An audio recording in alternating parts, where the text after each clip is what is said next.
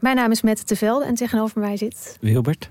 En ik heb vrij veel last gehad van neerslachtigheid, eigenlijk nog steeds wel in het leven. En depressies. En volgens mij gaan we dat proberen op te lossen. We gaan jou redden. En de rest van de mensen. En de toch? rest van de mensen. Ja. Wie redt Wilbert? Dat is de vraag. Wie helpt hem bij de kwesties en problemen van vandaag? Luister naar Wie redt Wilbert en de rest van de mensheid. Een podcast van de VPRO voor NPO Luister. Het nieuwe album van Taylor Swift is uit. Ja, hier hebben we echt heel lang naar uitgekeken. Wat vind je ervan? Als je het mij vraagt, is Taylor Swift grappiger dan ooit op dit album. Ik denk dat om tot de kern van het album te komen, je echt het allerlaatste nummer moet weten te beluisteren. Misschien had dat wel het eerste nummer moeten zijn. In Taylor's era reviewen we de hele plaat, nummer voor nummer. Waar gaat het album over en waar staat het in het oeuvre van Taylor Swift? Luister nu naar Taylor's era op Podimo en Spotify. Dag lieve honingballen. Hoi Stefan, dat is mijn buurman die ook eh, schijnt te luisteren. Welkom bij Damn Honey.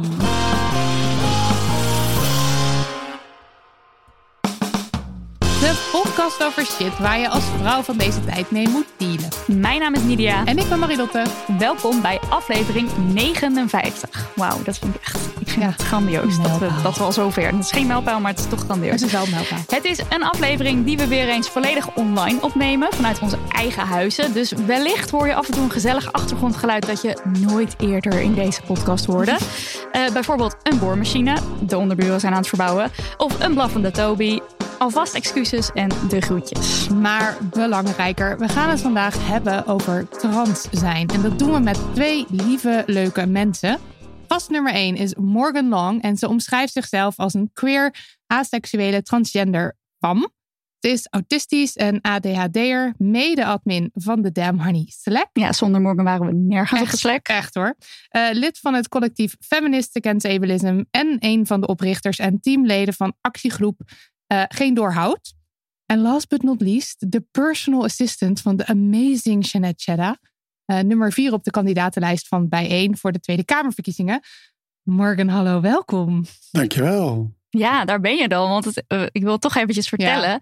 We kennen jou omdat jij, eh, toen jij ons begon te luisteren, je stroomde denk ik in na een jaartje of zo, toen wij al bezig waren, eh, ging jij altijd eh, recensies schrijven onder onze oude Instagram posts. En toen op een gegeven moment toen hebben we jou een keer een berichtje gestuurd van, eh, Wat hey, leuk. wat leuk. En eh, zouden we je mogen interviewen voor Heb je nou een vriend, ons boek. Eh, dus zo zouden lezers slash luisteraars jou misschien ook al kunnen kennen. En ehm, ja, we vinden het helemaal fantastisch dat je nu een keer in de podcast bent als eh recensent. Ik kan niet wachten op je recensie, recen, recensentie, je recensie van deze aflevering. Oké, komen we bij gast nummer twee. Tijn de Jong. Tijn is theatermaker en activist. En alvast een leuk vooruitzicht. Op 20 januari komt er een nieuwe Linda uit, waar hij samen met vijf andere non-binaire personen in staat. Heb je dan echt een profi fotoshoot alles gehad? Ja, Echt zo'n... Ja. Oh, Heerlijk. helemaal fantastisch. heel Eh, tof. en, en op de achtergrond heb jij meegewerkt aan de pilot van ieders komende nieuwe lievelingsserie. Die gemaakt is in samenwerking met Anna Plus. Selfmade Man heet het. En we hopen echt extreem dat er uiteindelijk een heel seizoen van gemaakt mag worden. Dus dit, laat dit alvast een eerste Lekker send into zijn. the universe zijn van please mm, dat dat mogen gebeuren. Welkom Tijn. Welkom, dankjewel. We beginnen zoals altijd met de feminist in. Dus ehm, ja, waar we de feminist in gingen, Marilotte.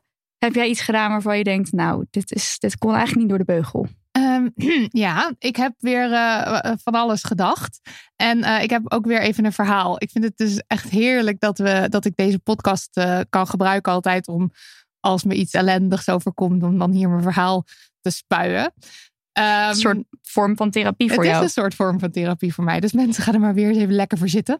Ehm, mijn bovenburen eh, verbouwen. Eigenlijk net als jouw onderburen. Ja, nee, die van mij zijn light. Oh ja, dit is, bij ons is het echt eh, all the way. Het hele huis wordt gestript. Eh, onder wordt boven en boven wordt onder. En er worden allemaal muren uitgehakt en weet ik wat.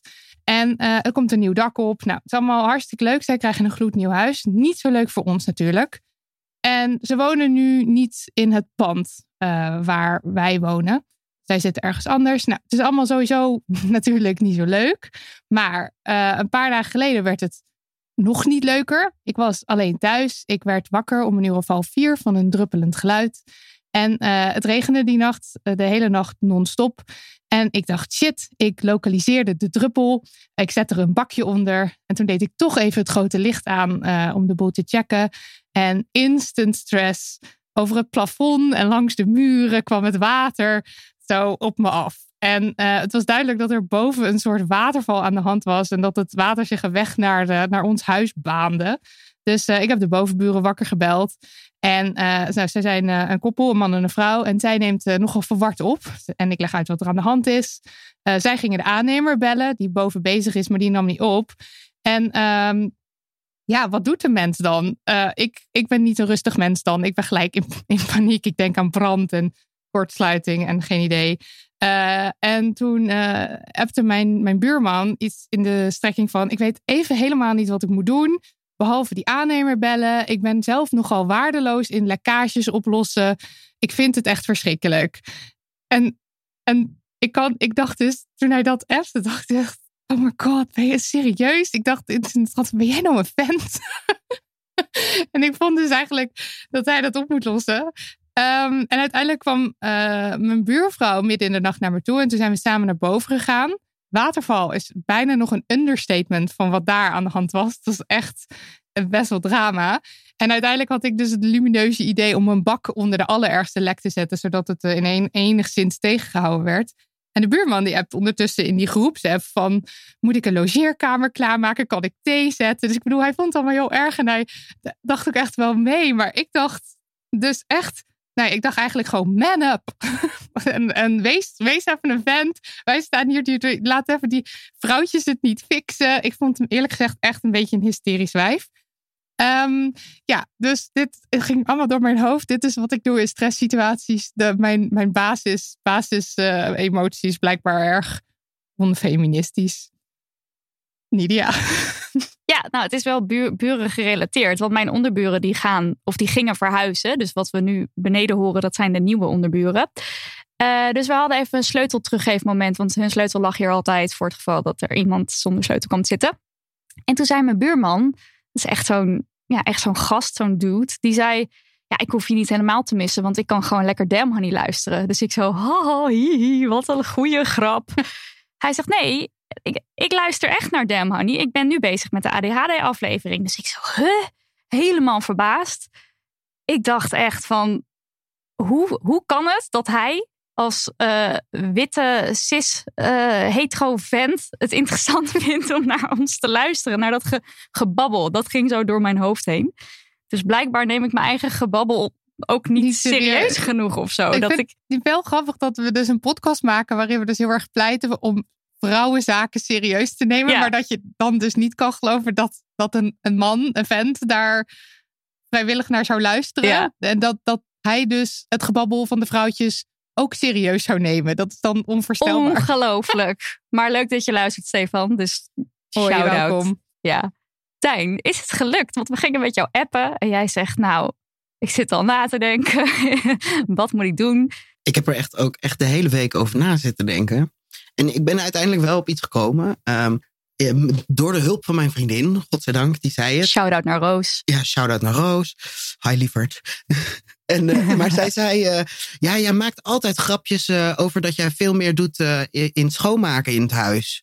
En dat is natuurlijk eigenlijk ook helemaal niet feministisch, want mannen kunnen net zo goed veel in het huishouden doen. Het is niet een soort van automatisch een vrouwentaakje. En het is eigenlijk ook best wel onfeministisch dat ik daar dan tegenover haar grapjes over maak. er zo die van, nadruk ja, maar op jij komt. maakt nooit schoon. En dus dat eigenlijk, dat is het meest, eh, minst feministische. Ja, Je hebt het weer goed, je hebt het goed gedaan. goed. Hè? goed een Ja. minst feministisch ding Heel- gevonden en gedaan. Heel goed. Lekker gewerkt. Top. Morgan, hoe zit het met jou? Ja, de gevreesde vraag. Ja, ten, ten, ten. Ik moet ook wel zeggen van... Sowieso heb ik een hoofd wat vrij mo- moeilijk feitjes... dingen uit mijn eigen leven zeg maar, op kan duiken... zonder dat ik daar een associatie heb die toegang geeft, zeg maar. En ja, ik, door, ik zit ook al sinds maart vorig jaar in isolatie... en mijn hele omgeving zo ongeveer is heel feministisch. Mijn hele bubbel. Dus ik maak ook niet zo heel veel mee. Maar wat ik wel merk is zijn Ja, eigenlijk heeft Noah een soort van mijn, de, het artsding vorige keer al gepakt. Maar de, dat Ja. soort gedachten, die automatische gedachten waarmee je soort Ja. van opgegroeid bent. En dan is wel al- altijd de tweede gedachte is, ja nee, wat denk je nou, weet je wel. Dus dat kan, dat kan zijn inderdaad over dat soort dingen als een arts is een, dat je automatisch denkt dat hij een man is, maar ook eh, meer op eh, racistisch vlak. Ja. Ondanks dat ik echt heel antiracistisch ben, heb ik nog steeds die, die, die ingrained gedachten Ja. van waarmee je opgegroeid bent, zeg maar. En ook niet dat mijn ouders Ja. nou zo, zo heel racistisch waren of zo. Dat was het niet. Maar dat was gewoon de maatschappij. Ja, Maar Ja. Ik, ja, ik heb gelu- gelukkig wel ergens ooit eens gelezen van het eerste ding wat je denkt is hoe je geconditioneerd bent. Ja. Misschien, hebben jullie dat ook wel eens gezegd. En, ik heb het eh, denk de ik een keer is- gezegd, want ik klamp me daar altijd aan vast. Ja, en het tweede is hoe je werkelijk bent. En ik, Ja. ja, het, het duurt ook echt gewoon een halve seconde, een seconde voordat die correctie in mijn hoofd er is. ja. Maar het blijft ook wel vervelend dat je toch Ja. dat niet helemaal los kan laten dan die eh, gedachten. Het is niet zo'n heel mooi concreet verhaal als jullie, maar toch. Maar wel heel herkenbaar. zeker. Ja. Ja. Ja, absoluut. Ja. Tijd voor Tijd voor post. Post. Post. Post. Allereerst natuurlijk een leuk bericht. En eh, dit bericht kwam van Elin en zij schreef... Na alle problematische kerstfilms... Nou ja, dat was het zeker uit de kerstaflevering die we hebben opgenomen. eh, even een tip voor een supergrappige, inclusieve, queer, kleur, own je seksualiteit, vrouwenvriendschap film uit Nieuw-Zeeland. The Breaker-Uppers. Eh nou, Dat is ook een lekkere tongbreker. Ik vind recensie al moeilijk. Laat staan upperers. Ja, nee, dat is... eh, maar goed, je hoeft gelukkig het niet uit te spreken. Nee, ik zal het ook niet dat meer doen. doe ik. Sorry. Rupperers. En eh, wij helemaal enthousiast natuurlijk. En ik heb hem gekeken. En ja, het is eigenlijk het is alles wat Elin zegt. Het is hartstikke inclusief en leuk. En vrouwen serieus nemen en grappig. Beetje over de top af en toe. Daar moet je natuurlijk ook gewoon van houden. Maar ja, dat is een genre. Het is comedy. En eh, het gaat over twee vrouwen en die runnen een bedrijfje waar je heen kunt als je relatie uit moet. Dus je hebt een relatie, je bent het zat, je gaat naar die meiden toe en dan zetten zij iets in scène. Dan zeggen ze als politieagent verkleed naar iemand toe en dan zeggen ze je man zit in de gevangenis en je kunt hem helaas nooit bezoeken of zo. En dan, eh, dan kan iemand eh, zonder de daadwerkelijke confrontatie aan te gaan dus uit de relatie. Nou, dat is het uitgangspunt. Nee, het is gewoon, het is gewoon leuk. Gaat kijken. Ja, Zal ik dan maar de, de post voorlezen? ja. volgende. Next. Hoi Nidia en Marilotte. Allereerst dankjewel voor al jullie harde werk en mooie content. Dat is lief, dankjewel. Net als waarschijnlijk vele andere Damn Honey luisteraars en volgers zit ik op social media in een totale feministische bubbel. Dat is meestal echt geweldig, maar soms zie ik dingen die me toch niet helemaal lekker zitten. Zoals het volgende.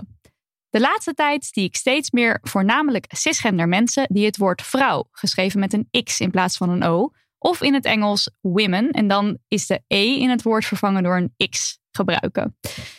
Ja, ik weet niet, ik kan het alleen maar even zo zeggen. Ik kan er niet makkelijk fruks of zo Nee. van maken. Maar jullie snappen nu wat, ik, eh, wat ik bedoel, hè? Eh, en dan eh, met als doel om te laten zien dat ze daarmee ook transvrouwen en non-binaire personen willen includeren. Het is natuurlijk heel fijn dat mensen hun best doen om zo inclusief mogelijke taal te gebruiken. En het komt vanuit goede intenties. Maar heel vaak wordt daarbij over het hoofd gezien wat trans mensen zelf het fijnst vinden om te horen. Veel transvrouwen en non-binaire personen vinden het namelijk juist vervelend wanneer dit woord gebruikt wordt om hen te includeren. Transvrouwen zijn namelijk gewoon vrouwen. En daar is dus geen andere letter voor nodig. En non-binaire personen zijn meestal, te zaakjes, geen vrouwen en dus ook geen vrouwen met een X. Daarnaast komt het woord women met een X oorspronkelijk van het woord women geschreven met een Y op de plaats van de E. Ik hoop dat jullie nog kunnen volgen. En dit woord werd vroeger gebruikt door anti-transgender feministen. En dan feministen tussen haakjes eh, uiteraard. Het heeft daarom een pijnlijke transfobische oorsprong. Natuurlijk zijn er best mensen die zichzelf wel identificeren als vrouw met een X. En dat is helemaal oké. Maar het is niet zo'n geschikt woord om een hele groep mee aan te spreken. De activist James Rose, at James is Smiling op Instagram, heeft een Instagram highlight genaamd Women, dus geschreven met een X, met een wat uitgebreidere uitleg en goede alternatieven om te gebruiken. Ik kan het me helemaal voorstellen dat er bij sommige mensen die dit horen misschien een, maar je kan ook niks meer zeggen, gedachte insluipt. Maar ik denk juist dat het heel mooi is dat we binnen onze fijne feministische bubbel ook van elkaar blijven leren. Zoals ik ook veel nieuwe dingen leer van andere feministen. Daarom vond ik het ook belangrijk om dit met jullie en misschien zelfs met jullie luisteraars te delen. Weet in ieder geval dat ik, altijd, dat ik het altijd heel erg waardeer wanneer mensen zich inzetten voor een inclusievere wereld. Veel, lief, veel liefs van Mick. Ja, Mick. Deze brief, deze, Ja, deze situatie. staat al, al maanden Ik op denk ons lijstje. dat die misschien wel een jaar, misschien wel langer. meerdere keren per week door mijn hoofd. Ja. eh, en niet per se alleen deze brief, maar gewoon deze hele situatie. Ja, we Want- worden er ook wel echt vaak op, opgewezen. Ja. Ja, want wat is er voor de mensen die dat eh, niet weten? ehm, als ondertitel van ons boek Heb je nou al een vriend? Hebben we gebruikt. ehm, 50 reacties op shit waar je als vrouw met een X mee moet dealen. en Ja. eh, ook op ons Instagram bio hebben we zo'n tagline. Ook vrouw met een X. en we Ehm, gebruiken het soms in onze teksten eh, ook. Meiden met een X Ja, of klopt. vrouwen met een X. Klopt, ja. Ja. Wacht, ik ben, over- wat zijn jullie gedachten hierover? ja Hebben en, en hier... laat het duidelijk zijn dat we niet willen zo van... Nu gaan we eh, luisteren naar wat jullie vinden. En jullie spreken namens iedereen. Zo zie ik het echt Nee, totaal niet. Dus dat dat duidelijk vinden. is. Gewoon je eigen persoonlijke mening. En eh, ja, shoot. Ehm, ja, ik ben het eigenlijk met de briefschrijver eh, eens. Eigenlijk om de redenen die daar ook in die brief genoemd worden. En eh, de feministische werkplaats op Instagram heeft hier trouwens ook onlangs een Nederlandse talige post aangeweid. En voor mij is dit ook een stukje een voortschrijdend inzicht. Van een tijdje geleden dacht je nog daar inclusief mee te zijn. Ja. Nu wordt duidelijk van, oh, ja, maar eigenlijk is dat niet meer zo eh, als je er beter over nadenkt. En eh, dan lijkt het me inderdaad wel goed als dat, die praktijk, zeg maar, om het zo te zeggen, eh, als dat verandert. Dus ik zou zeggen, Ja. de volgende druk van jullie boek, maak er gewoon iets anders van. Tijn, Tijn. Voordat, voordat ik ga vragen van... wat- heb je een idee wat het dan zou moeten zijn? Maar eerst Tijn. Nou ja, wat ik denk dat bij dit probleem en toch wel veel eh, intersectioneel feministische problemen. eh, eh, het heel belangrijk is om de intentie en de consequentie ervan te scheiden. Kijk, ik, ik kan me voorstellen, en ik heb het woord zelf ook wel eens gebruikt, vanuit het idee, ik wil een inclusief woord gebruiken, ook voor mezelf, omdat ik zelf non-binair ben en dus aan de ene kant een stukje vrouw voel en aan de andere kant stukje een man ben en aan de andere kant allebei niet.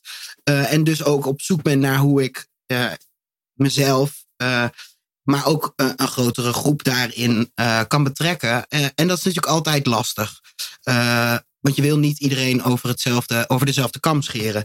Ehm, en ik denk inderdaad dat Morgan ook zegt dat als we goed kijken naar de historie van het woord, dat we eigenlijk dat inzicht niet meer ongedaan kunnen maken en ons dus moeten aanpassen. Ehm, en dat het vooral bekeken moet worden eh, vanuit. Volgens mij willen we allemaal graag het goed doen. We willen allemaal graag eh, inclusief zijn.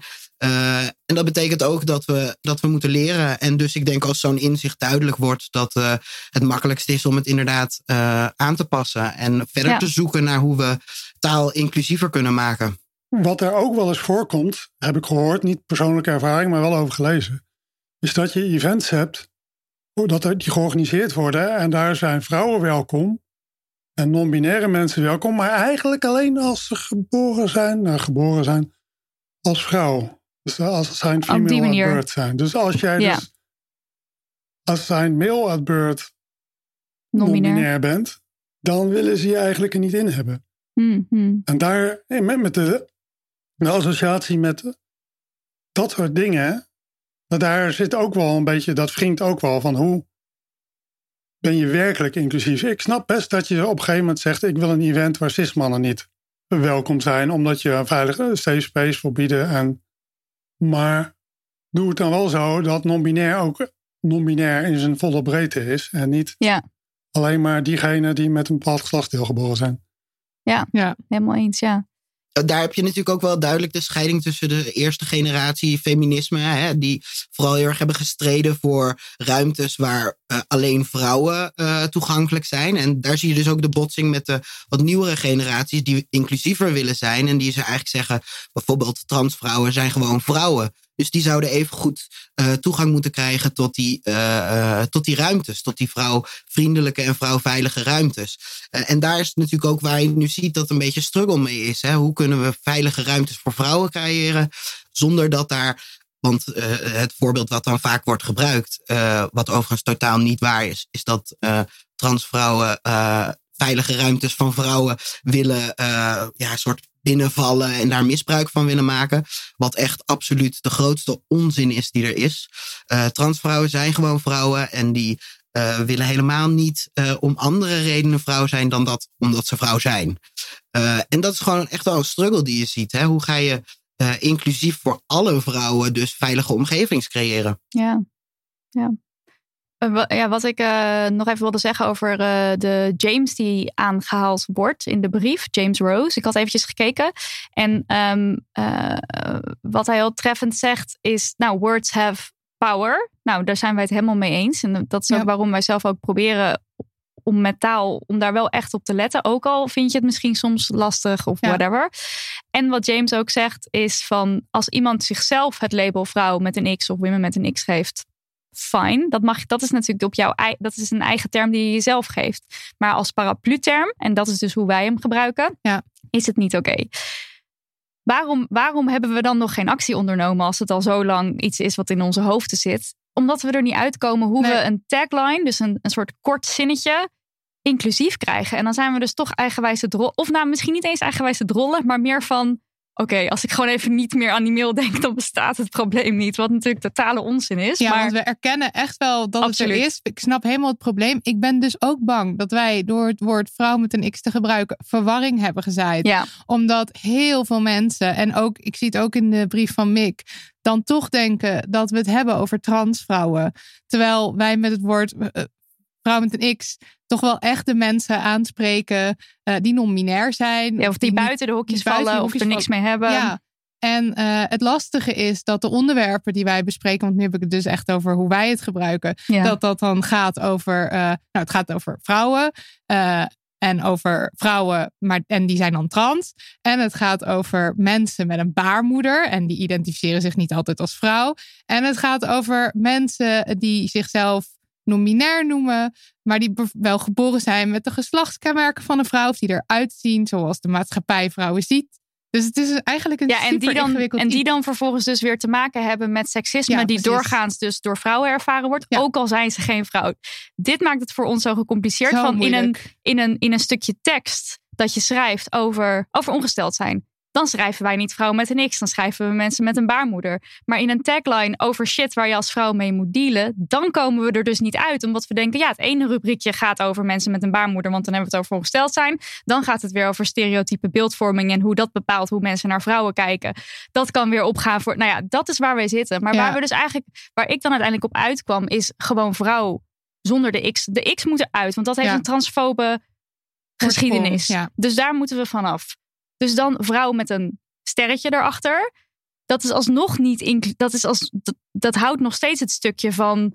Oh, dus je moet je ook aangesproken voelen als je niet een vrouw bent, maar je wil wel geïncluded worden. Snap je wat ik bedoel? Ja, maar, en dit is dus het lastige. Je zou kunnen zeggen: oké, we moeten dus uh, van die X af. Maar het woordje vrouw met een O volstaat niet. Nee. In de tagline ook niet. Nee. Uh, maar een tagline en, kan niet langer zijn dan een aantal woorden. Dat nee. is eigenlijk vooral waar je ook tegenaan Ja, want, en dat zeggen we ook altijd als wij een, uh, een workshop geven over podcasten. Je tagline doet ertoe. Het moet lekker duidelijk zijn. In een paar woorden moet men weten waar het over gaat.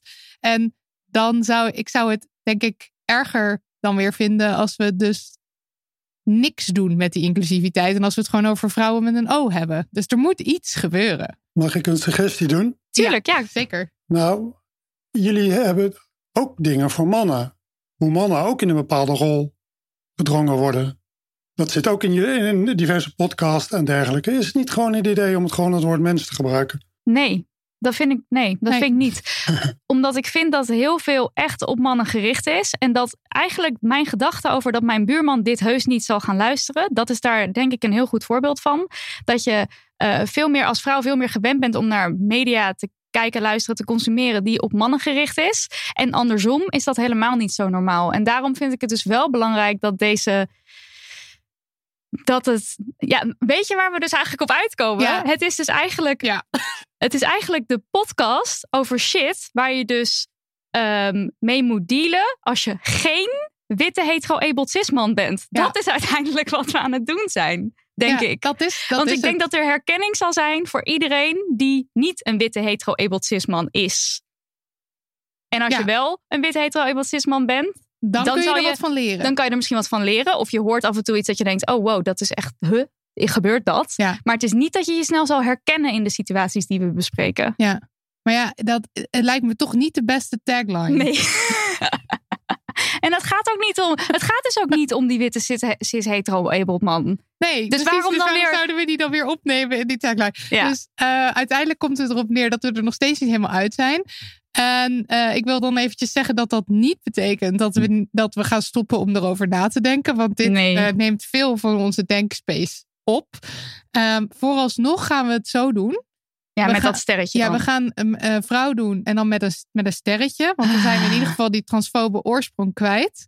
Eh, en doen we in ieder geval iets met inclusiviteit. Ja, en laten we het in de taglines, hè? Want in, Ja. in, zin, in, woord, in, in, in lange teksten zullen we dus nooit het op die manier gebruiken. Want dan kan je gewoon heel makkelijk zeggen: ik bedoel hier ook nomineren mensen, of ik bedoel hier. De, Ja. Want dan heb je niet dat tekort aan ruimte. Of Ik zo. voel me dus wel echt Maar- af en toe een beetje schuldig, omdat volgens mij sommige mensen dus nu, dan, dan krijgen we een mailtje en dan staat er: Hoi lieve vrouwen met een X aan ons aan gericht. ons gericht. Ja. En dan denk ik, What kut, have we done? We hebben echt, we hebben echt heel veel verwarring veroorzaakt. Ja, maar wat ik nog even één ding wil zeggen. Bij Yes Baby hebben we voor de volgende ondertitel gekozen. Waar we dus eromheen gewerkt Oh hebben. ja, ja. Alles wat je wilt weten als je jong bent. Maar waar niet echt over gepraat wordt. Maar ja, dan krijg je dus wel heel veel vragen. Is het voor jongens of voor meisjes? Is het ook geschikt voor jongens? En dat, dat is dus precies de verwarring die het lastig maakt. Ja. En, en hier hadden we zoiets van, nou, eh, Prima. fine die verwarring. Je leest maar de achterflap of je komt er wel uit. Dan kan En- je zelf en- kijken wat je vindt. En als jongens het lezen, prima. Dat is allemaal hartstikke nuttig. ja, maar het is uiteindelijk wel, het gaat, ge- ga- ja, Ja, ja, zeg maar eens dingen. zeg maar eens dingen. Nou ja, het is echt wel gecompliceerd. Ja, en, en, en ik denk dat het uiteindelijk ook op neerkomt dat taal gewoon altijd. Het, het, ja, het, heeft, het is krachtig, maar het, het sluit ook altijd uit. Ik bedoel, als ik nu tegen jullie zeg, eh, aan, aan, eh, tegen Morgan en Thij zeg, hier staat een plant, zien jullie niet dezelfde plant voor je. Dus het is toch altijd een soort van. Je, je sluit dingen uit door woorden te zeggen. En, En woorden niet te en zeggen. woorden vooral. niet te zeggen. En eh, dan, dat wordt met zo'n met zo'n Ja, we pakkende tagline gewoon steeds We moeilijker. gaan er gewoon verder mee aan de slag. Maar in ieder geval, Mick, echt superveel bedankt dat je dit stuurde. En ook aan de andere mensen die dit hebben doorgestuurd. Ja. Ehm, Het is niet Want- zo dat we, we nemen het hartstikke serieus. ja. En het is ook niet, eh, het is soms best moeilijk om dan weer dit te gaan mailen. En dat vind ik wel echt goed dat dat dan toch gedaan wordt. Ja. Jeetje. Hebben jullie nog We zijn aanvullingen eigenlijk of nog niet? nergens, maar goed. Ik snap wel echt jullie struggle heel erg. ehm. ja. Ik zit ook heel erg te pijnzen van eh, wat gaan we doen? Ja, wat, gaan we, ja, wat moet nou, het? Ja. Mijn douche-sessies zien er al maanden zo uit, kan ik je zeggen. En altijd dat je denkt, oh, maar als we dan dit doen. En dat je dan, nee, Ah, maar dat klopt klopt dan ook weer niet. Nee. Ja. Dus goed, eh, laten we doorgaan. eh Marilot. Ja. Poststuk 2. Ik, de zaak is 18, woon sinds kort in Utrecht. Ik woon in bij mijn huisbaas, een gepensioneerde man, en een andere vrouwelijke student. Ik merk dat mijn huisbaas zelf regelmatig over de grens gaat in zijn manier van praten. Hij is heel direct, wat niet erg is, maar soms maakt hij ongepaste opmerkingen. Zo zegt hij geregeld hoe ontzettend mooi ik wel niet ben, en heeft hij ook drie keer als een soort grap gezegd dat hij met twee lekkere studenten woont. Ook kwam een vriend van me langs en zei hij over die vriend dat hij me wel een handje kon helpen. Of met twee, dat is ook leuker. De zaakjes, oftewel dat hij me wel kon gaan vingeren. Als ik bijvoorbeeld ergens toestemming voor moet vragen telefonisch, noemt hij me vaak sweetie of lieverd en begint hij over mijn uiterlijk. Voor de rest is het wel een lieve man en heeft hij wel het beste met je voor, maar ik merk dat ik me soms helemaal niet comfortabel voel en ik weet niet zo goed hoe ik het bij hem aan moet geven of hoe ik het aan moet pakken. En of het überhaupt wel grensoverschrijdend gedrag is.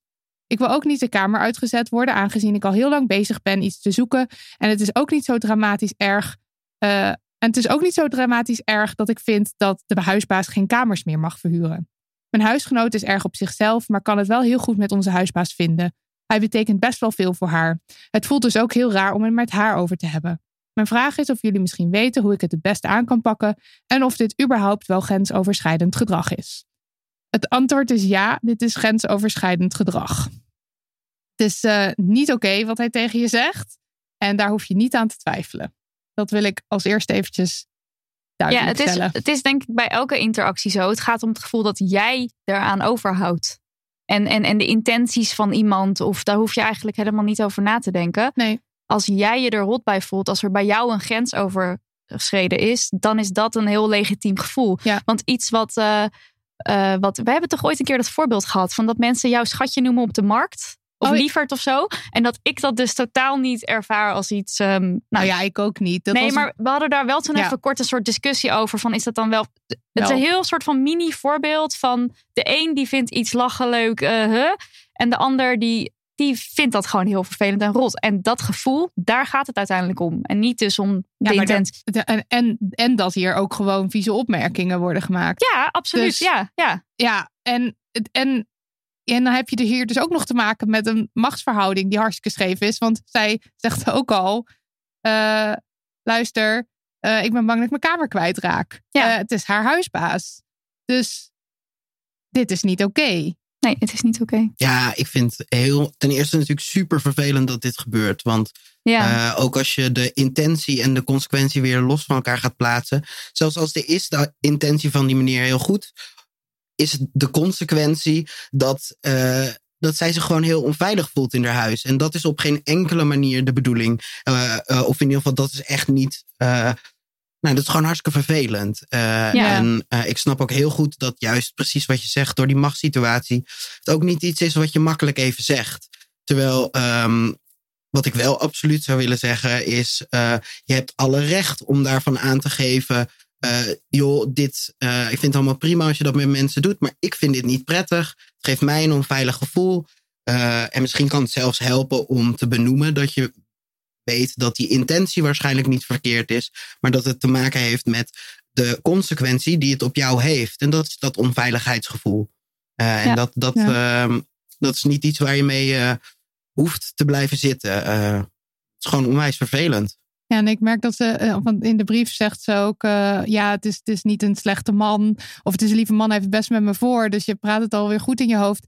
Maar dit is ook maar weer heel tekenend dat iemand die iets doet wat eigenlijk niet kan. Het is niet zo dat er slechte mensen zijn en goede mensen zijn. Hij zou best zijn goede kanten hebben of eh, zijn lieve kanten hebben. Maar het gaat om deze situatie en dat jij je onveilig voelt. Ik heb echt net nog een documentaire gekeken over een super nare serial killer. Maar echt heel erg. En ook hij had dus, toen ze erachter kwamen dat hij dus die serial killer was, was er dus familie die zei: Het was zo'n leuke, lieve man. Het is echt onzin dat mensen het pure kwaad zijn. Ja. En dat dat hun enige zijn is. ja, dat dat is, zo op bes- hen af te lezen is. ja, dat zo. is gewoon niet zo. Daar moeten we echt af, van af met z'n allen. Want dat, dat enge beeld van iemand die in en in kwaad is, dat zorgt er dus ook voor dat we ehm, heel snel misschien gedrag ook goed praten. Van ja, maar het is toch verder, is het toch een hele leuke lieve man. En dat hoeft helemaal niet. Nee. En ik Morgen, denk ook ik vraag dat me je, ook af of... Oh, dat je in dit we hebben geval... echt een soort... Ja, gewoon Sorry, ik elke Tijn. keer over jou heen. hè? Ja. Maar, ehm, Kom maar. ah, nu ben ik ook nog eens kwijt wat ik wilde zeggen. Nou ja, dan gaan we toch naar ik morgen. denk ook dat... Oké, over naar morgen. Nou ja, ik, heb, eh, ja, ik had hier een korte opmerking over dat ik het inderdaad ook wel grensoverschrijdend vond. Maar ook wel lastig zou vinden als ik in die situatie zit inderdaad om te bedenken wat je er dan mee doet. Het enige wat ik kon bedenken was toch ondertussen langzaamaan op zoek gaan naar een andere kamer. eh. Oh, ik ben echt precies hetzelfde. Kijk, ik zou echt, ik zou echt willen zeggen van durf je uitspreken alles, maar ik ben echt een scheiterd. Ik zou het echt, echt eng vinden om te doen. Ik vind Dus het je, wel eng Je om- woont met hem in huis ook, toch? Ik Want- vond het wel eng om tegen jou te zeggen van doe je afwas eens of zo toen wij nog huis. Nee, maar echt, zeg maar, het, eh, je huis is zo. Het is gewoon heel gevoelig als daar een soort spanning of ja, ik kan me zo is- goed voorstellen. Het is er al. Ik Ja. weet het. Ik weet het. Het is ook niet. Het is niet dat ik vind dat mensen zo moeten denken. Maar ik heb zelf dat gevoel heel erg. Ik Ja. zou het dus niet zo snel durven. Nee. Dus ik kan me daar goed in verplaatsen. Maar ik hoop natuurlijk altijd, ook Dat door deze doet. podcast, dat mensen dat durven en die ruimte durven in te nemen. Maar ik snap het ook heel goed als je het niet durft. Dus dan zou ik zou dus denk ik zoeken naar een andere kamer. Het is gewoon heel moeilijk. Ik vind het nu al moeilijk om, om boos te worden op mijn buren. Terwijl ze net een hele enorme lekkage hebben veroorzaakt. Het is gewoon niet leuk om boos te worden op mensen die je de hele tijd moet zien. Ja, ja. Heeft er iemand nog een kamer over? Is eigenlijk de vraag.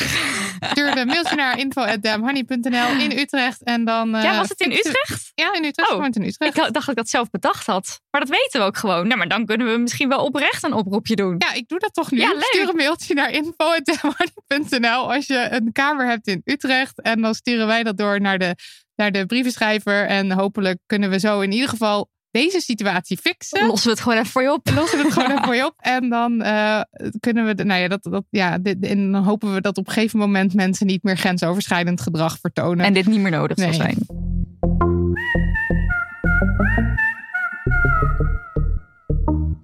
Hello Fresh, lieve mensen. Graag even wat aandacht voor onze sponsor. Hello Fresh. De maaltijdboxen van HelloFresh die bij jou thuis worden geleverd zitten vol met verse ingrediënten waarmee je recepten uit je mouw schudt waar een doorgewinterde huisvrouw nog u tegen zou zeggen. Elke week mag je kiezen uit maar liefst 20 verschillende gerechten voor in je doos. Vegetarisch, met airfryer, premium. They have it all. Dat sparkt elke keer weer joy hoor, dat keuzemoment. Vlinders in mijn buik, alles. Ik weet niet wat er tot mij is gekomen, maar ik heb in dit nieuwe jaar opeens helemaal zin om nieuwe recepten uit te proberen. Dus ik hang weer met mijn neus in de boeken van ons aller Otto, ook wel bekend als Otto Lengi. Maar ik moet wel eerlijk toegeven, dat loopt geregeld uit op eerst uren kookboeken doorbladeren en vervolgens toch eten bestellen. En een simpele low-key manier om je dan toch aan dat voornemen van nieuwe dingen uitproberen te houden is natuurlijk HelloFresh. Bespaart je een hoop tijd. En wat ik ook echt heel chill eraan vind, je blijft dus niet zitten met een halve pot fijn gemalen semolina of een opengetrokken pot ingemaakte citroenen. Je krijgt precies genoeg, alles afgepast. En ik gooi er gewoon nog een leuk ding bovenop. Je zit nergens aan vast. Een weekje overslaan of je account stopzetten is mogelijk. Ga naar en ben je een nieuwe klant? Dan krijg je met de code HelloDamnHoney in totaal 40 euro korting over je eerste drie maaltijdboxen. Hello Damn Honey, dat schrijf je aan elkaar. Ga naar hellofresh.nl. Hello. Die had je al gedaan. Nee, dit was Hello. Nee, dat was toen Hello, is it me you're looking for? Dit is duidelijk Adele. Ah, Hello. fresh.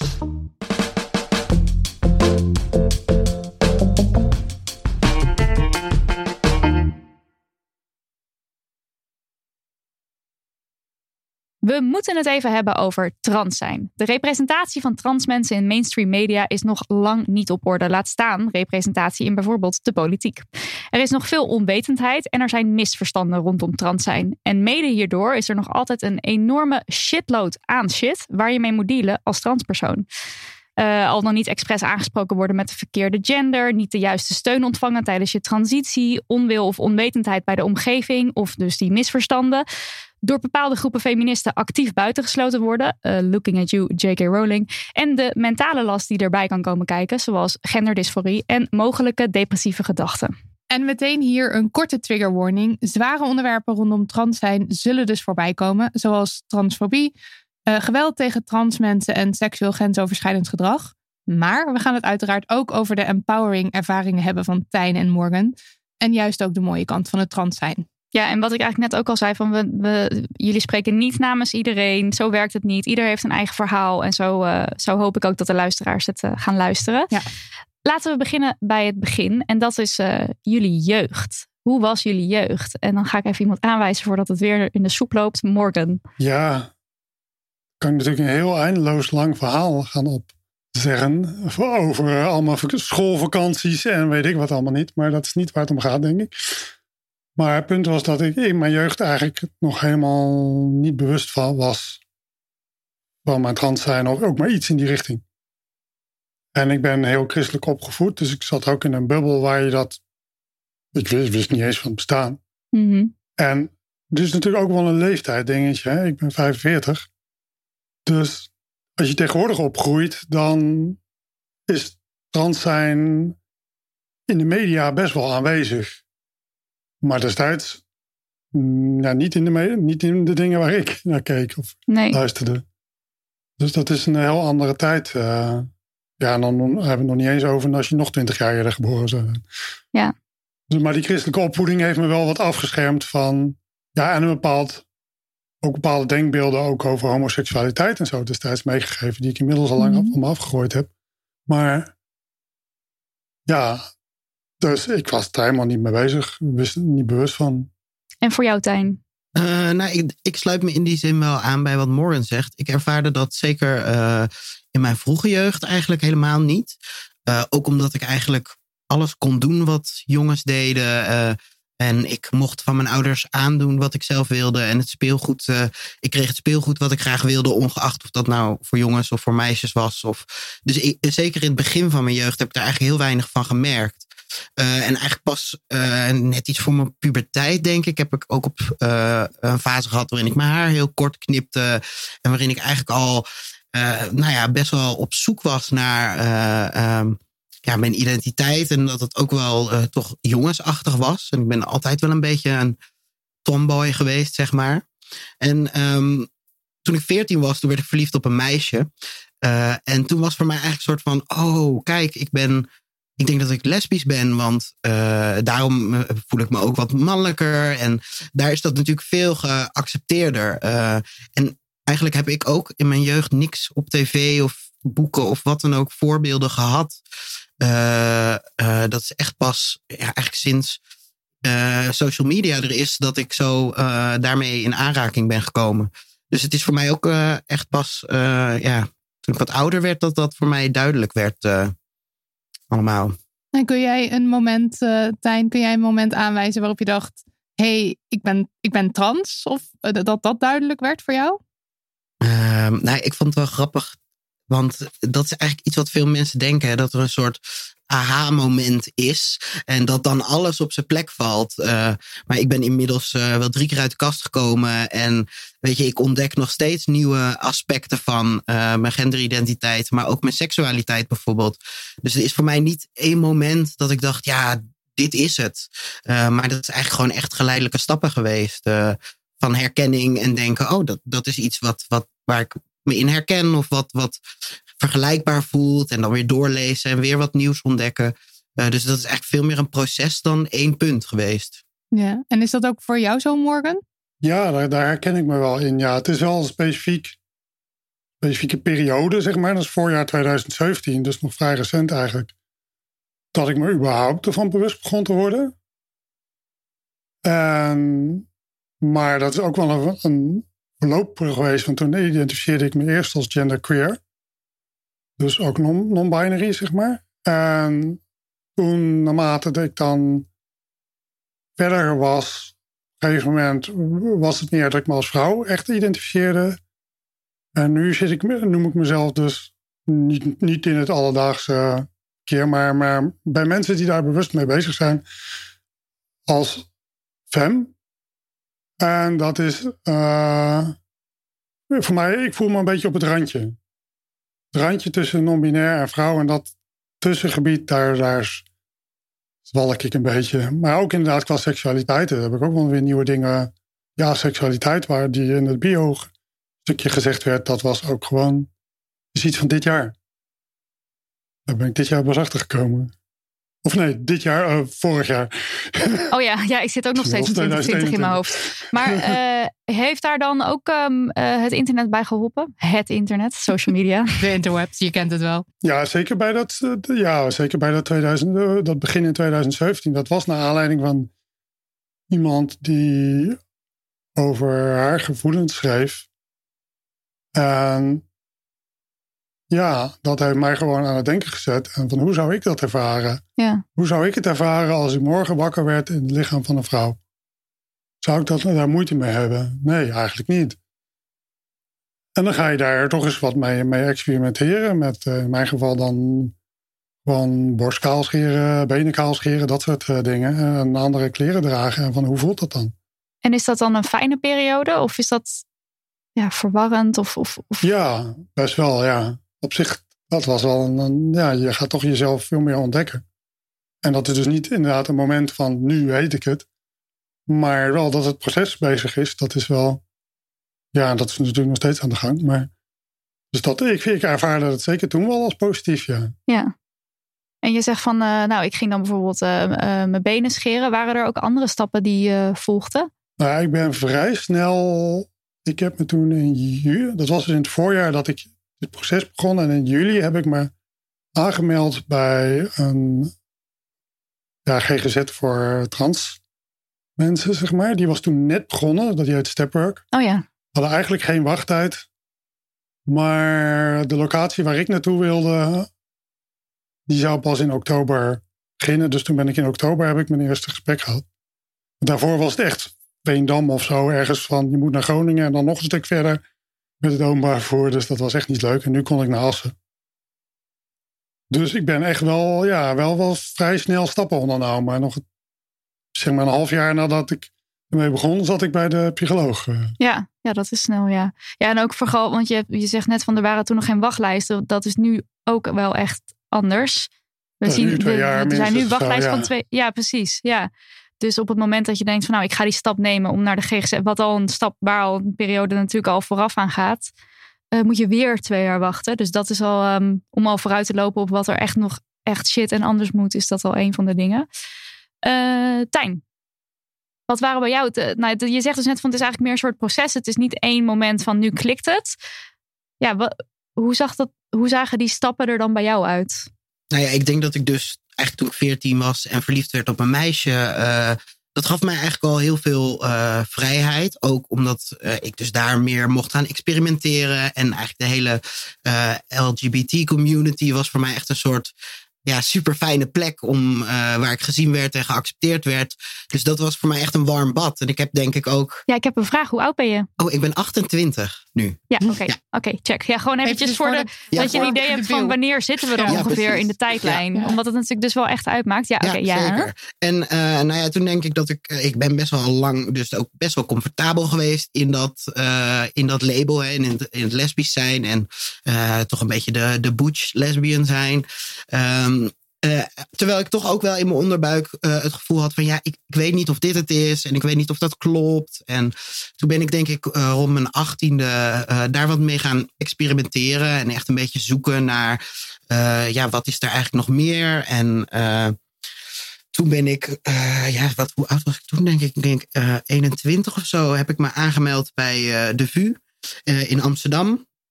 En toen waren de wachtlijsten inderdaad nog niet zo lang. Ik heb wel een, ik geloof een half jaar of een, tussen een half jaar en een jaar moeten wachten voor mijn eerste gesprek. Eh, en toen heb ik een best wel lang eh, psychologisch traject gehad, zeg maar, waarin ze je de diagnose eh, gaan geven en waarin ze dat onderzoek gaan doen. En dat had dan te maken met dat ik, ik ben best wel veel in mijn jeugd, ook in, tenminste, ik heb veel therapie gehad eh, vanwege trauma's uit mijn jeugd. En ze zijn daar op de VUMC enorm zorgvuldig in, want ze willen gewoon goed onderzoeken of het niet eh, mogelijk iets te maken kan hebben met dat trauma. Ehm, en dat vond ik op zich ook wel prettig. Eh, ik heb gelukkig wel veel therapie gedaan voor mijn trauma. Dus ik was zelf wel heel helder dat het niet eh, direct met mijn trauma's te maken had. Eh, en dus na dat traject eh, mocht ik beginnen met de hormonen. Dat is nu zo'n bijna vier jaar, denk ik, geleden. Ja, dus eigenlijk zijn zij de poortwachters Ja. tussen wel of niet Ja. ja. verder jezelf kunnen zijn. Ja, En- zeker. en- Weet ik hoe, eh, hoe lang duren deze gesprekken? Dat is maanden. Ja, want je hebt meestal maar één gesprek in de. Ja, als je geluk Per hebt, maand. eens in de maand. Eh, maar het kan ook nog wel eens langer duren. Ja, ja. En dan minimaal zes, geloof ik. Oké. Ja, en, toch? dan, Klopt. en dan daarna dan mag je beginnen aan een, eh, aan een behandeling, aan een hormoonbehandeling. ja, dan moet je Als wel daar nog, een akkoord je, op je moet Als wel daar- nog ja. een soort basismedische keuring doen. Hè, of er niet indicaties zijn waarom dat niet zou mogen. Eh, en dan mag je in principe eh, beginnen met de hormonen, inderdaad. Ja. En als je nou niet iets, als je niet, als je niet geïnteresseerd bent in hormonen, maar ga, ga je dan wel naar zo'n poli of ga je dan of, of Nou ja, dat is ook wel de dingen. ja, Kijk, dat is natuurlijk ook weer zo'n algemene vraag. Nee, ik vind dat eigenlijk juist wel een hele goede vraag. Want eh, ehm, ik merkte wel dat eh, toen ik me ging aanmelden bij het VU, dat VU heel binair is. Dus eh, ik, ik kwam daar eh, en eigenlijk moest, moest je alles aangeven dat je. Dat ik dan dus man wilde zijn en dat ik, ma- dat ik man was. En dat, dat was heel binair. Terwijl voor mij was dat eigenlijk helemaal nog niet zo onwijs duidelijk. Kijk, er was voor mij toen ik me aanmeldde één ding heel duidelijk. En dat was dat mijn borsten niet bij me pasten. Dus in eerste instantie was mijn idee ook, ik wil eerst uh, mijn borsten verwijderen om te kijken hoe ik me dan voel. Maar dat was op dat moment uh, bij het VU absoluut niet mogelijk. Uh, je moest eerst echt een half jaar aan de hormonen zijn. Het was ook sowieso geen overleg mogelijk of je eerst de operatie wilde of eerst hormonen. Het was gewoon, oh, wow. de stappen zijn, je gaat aan de hormonen Ah. na het traject en na zoveel tijd hormonen. Eerst was dat zelfs dat je een jaar aan de hormonen moest zijn. Dus dat is best een behoorlijke lange tijd wachten. Um, ik heb uiteindelijk toen, uh, ondanks dat dat niet direct mijn eerste keus was, toch besloten om uh, dan wel eerst aan de hormonen te gaan. En uiteindelijk ben ik daar heel blij mee, want ik voel me daar onwijs goed mee. Goed bij. Uh, alleen, ik was me wel heel bewust van hoe beperkend het beeld daar toen was. Ik weet dat het inmiddels wel iets beter is. Mm. Maar nog steeds is het heel jammer dat het heel binair is. En het is natuurlijk ook lastig, want je hebt je hebt gewoon binaire transpersonen die gewoon echt heel duidelijk uh, ook dat gevoel hebben van ik ben geboren in het verkeerde lichaam en ik ben echt gewoon duidelijk uh, uh, het andere geslacht. alleen voor sommige mensen is dat gewoon absoluut niet hoe ze het ervaren. En daar zou toch nog wel wat meer ruimte voor moeten komen. Hmm. Ja, ja dat, het niet, dat het niet per definitie is dat je een man of een vrouw bent. Maar dat er van alles tussenin zit en het is een schaal ik denk wel dat dat is iets wat ik in, ook pas in mijn, in mijn soort feministische carrière heb geleerd. Dat het niet dus per se is, oh je bent, uh, of je voelt je man of je voelt je vrouw, maar dat er dus van alles tussenin zit. En dat er dus ook die in die transities ook weer allerlei gradaties zitten in waar je voor kiest. Ja. En het is, want is dat, dat is aan het verbeteren. Ja, maar ik heb wel het idee dat dat vrij langzaam gaat kijken. En weet je, we hadden het natuurlijk net al even over dat vrouwen met een X. Uh, uh, het gevaar is ook dat, kijk, als je transpersonen neemt, er is gewoon, je hebt hele binaire transpersonen en hun ervaring is absoluut valide. Maar je hebt ook non-binaire transpersonen en hun ervaring is ja. ook absoluut valide. Alleen soms te, staan de uh, ervaringen wel een beetje tegenover elkaar en die kunnen soms moeilijk samengaan, want ja. binaire transvrouwen zijn gewoon vrouwen. Alleen, uh, ik ben uh, uh, non-binair, maar ook trans. en ook transman, zeg maar. Dus voor mij zou alleen transman weer niet mijn hele identiteit vangen. Dus het is ook lastig, hè. En labels ja. zijn uiteindelijk, weet je, ik zeg altijd labels. Je kiest je label en dan past het label bij je. En er is niet een soort van standaard regeling Kunt over u hier een even label. aangeven? Ja, Ja. net zoals een Ja. vrouw, dat is niet er is niet één ding wat iets een vrouw maakt, behalve jezelf vrouw voelen en vrouw zijn, zeg maar. Dat kun je alleen zelf bepalen. Maar er is niet een soort van één eigenschap wat maakt dat je vrouw bent, of een soort combinatie Mhm. daarvan. En dat is ook lastiger met dat soort labels. Hè. Dat zijn toch categorieën, maar daar heb je altijd uitzonderingen in. Ja. En, eh, oh sorry, ja, eh, even eh, terug naar, eh, naar, de, naar ja, de stappen, zeg maar. Ehm, Morgan, waren er in, in jouw, eh, zeg maar, in het, tijdens het proces dat je eh, doorging, mensen aan wie je veel hebt gehad? Eh, kon je het aan mensen vertellen? Ja, nou, mijn, mijn toenmalige partner sowieso. Die, eh, die heeft me wel heel erg gesteund. Inmiddels is het toenmalig, dus die relatie is wel gestopt. Maar het heeft ja, soort van hiermee te maken. Maar dus niet, je bent trans, dus maak het uit. Mhm. Maar die heeft, daar heb ik gewoon heel veel steun aan gehad. En ik heb ook volgens mij nog net voor die eerste afspraak bij de psycholoog het al op Facebook gegooid.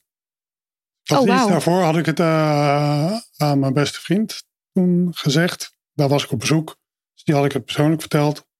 Verder ben ik van ja, ik zet dit gewoon wel friends only, zeg maar. Maar ik, ma ik heb toen een nieuwe Facebook account gemaakt. En toen een bericht op de ene gepost die ik dan gedeeld heb op de andere. En ja, ik kreeg bijna alleen maar positieve reacties ook hoor. Dus. Maar, maar, maar ja, de, de voornaamste steun kwam toch wel van, van mijn ex toen. We kregen best wel veel de vraag van wat, wat zou ik als iemand eh, in de omgeving van iemand die trans is of die die, die, die, er, die, die stappen doorgaat, misschien ook niet helemaal weet hoe of wat. Wat kan ik doen als naaste? Wat kan ik zeggen of vragen? Of zou je daar een advies voor hebben? Oef. Wat, wat hielp voor jou? Nou ja, steunen. Dat is het belangrijkste. En luisteren, denk ik. En, en gewoon vragen, juist misschien vragen wat die ander nodig heeft. Want dat kan natuurlijk ook gewoon per persoon verschillen waar die behoefte aan heeft. Eh, de ene wil misschien juist dat de partner meegaat naar afspraken, de andere niet. Ik ben, heb dat gewoon zelf allemaal alleen gedaan. Dus ja, als het enigszins kan, wees supportive. dat is het vooral. Ja, ja. En dus vooral ook het luisterend oor wat daarin eh, kan helpen. Ja, dat denk ik wel, ja. En Tijn, heb je, weet jij nog een moment waarop je het aan iemand vertelde? Eh, ja, ik heb het denk ik toen als eerste aan mijn beste vriendin verteld. Eh, ja, en voor haar was het eigenlijk ook wel. eh, het is trouwens ook het meisje waar ik op mijn veertiende op verliefd ben geworden. Dus wij zijn echt al veertien jaar vriendinnen. En zij zei eigenlijk: Ja, het verbaast mij niks. Eh, ik, ik, ik, ik, ik herken het heel erg in je. En Hmm.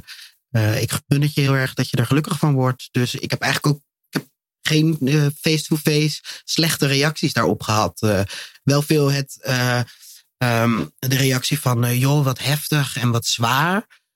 Terwijl ik zelf juist de transitie als enorm bevrijdend heb ervaren. Hmm. Dus helemaal niet als een zwaar proces. Ja, ik vond het die psychologische of die diagnostische fase vond ik zwaar, omdat ik het gevoel had dat ik iets moest bewijzen.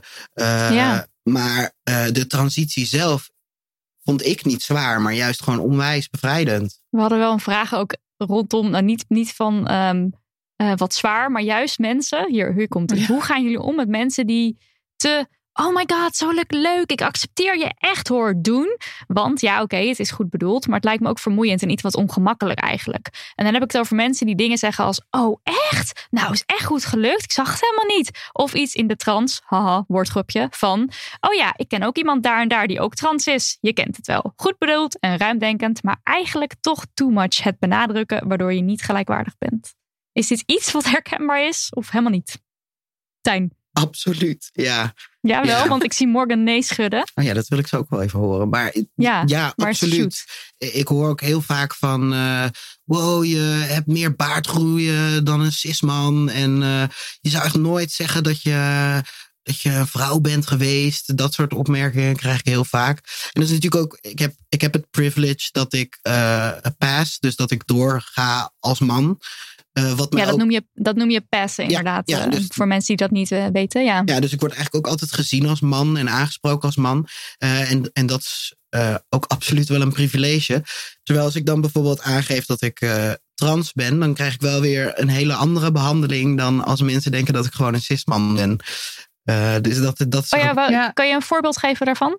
ja, dat, ja, ik, ja, ik kan het niet. Het is niet iets wat, ik, wat je zo kan aanwijzen of benoemen, weet je wel. Maar je merkt gewoon dat ze dan. Dat, dat er dan toch is dat ik niet one of the guys ben. Wat ik op zich Oh, geen ja. ramp vind hoor. Maar Ik denk ook volgens mij de eerste keer dat jij mij een, een bericht stuurde, was ook eh, eh, dat jouw ervaring, om- omdat jij eh, als vrouw door het leven ging en toen als man, dat jouw ervaring ook zo anders was en dat je daar een verschil in merkte. ja, absoluut. Ja, En heb, het, ja, daar heb je denk ik ook geen voorbeeld van. ja absoluut wel. Wel? Ja, zeker wel. Dat eh, mensen nemen je sowieso veel serieuzer.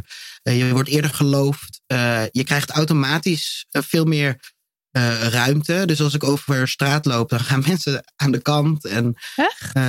ja, echt- het, het zijn echt hele bizarre dingen. En ja, maar dus bijvoorbeeld ook als je iets echt gewoon iets uit de lucht gegrepen hebt en je brengt het als feit, dan gaan heel veel mensen er gewoon vanuit dat het zo is. Terwijl, eh, en bijvoorbeeld dat ik, eh, als ik nu bijvoorbeeld eh, over mijn jeugd vertel, wat best wel heftig is geweest. vroeger kreeg ik dan wel eens te horen dat dat toch wel pathetisch of slachtofferrol was. en dat hoor ik nu bijvoorbeeld ook echt nooit meer. Wauw, dit Allemaal dat echt, soort dingen. Ja.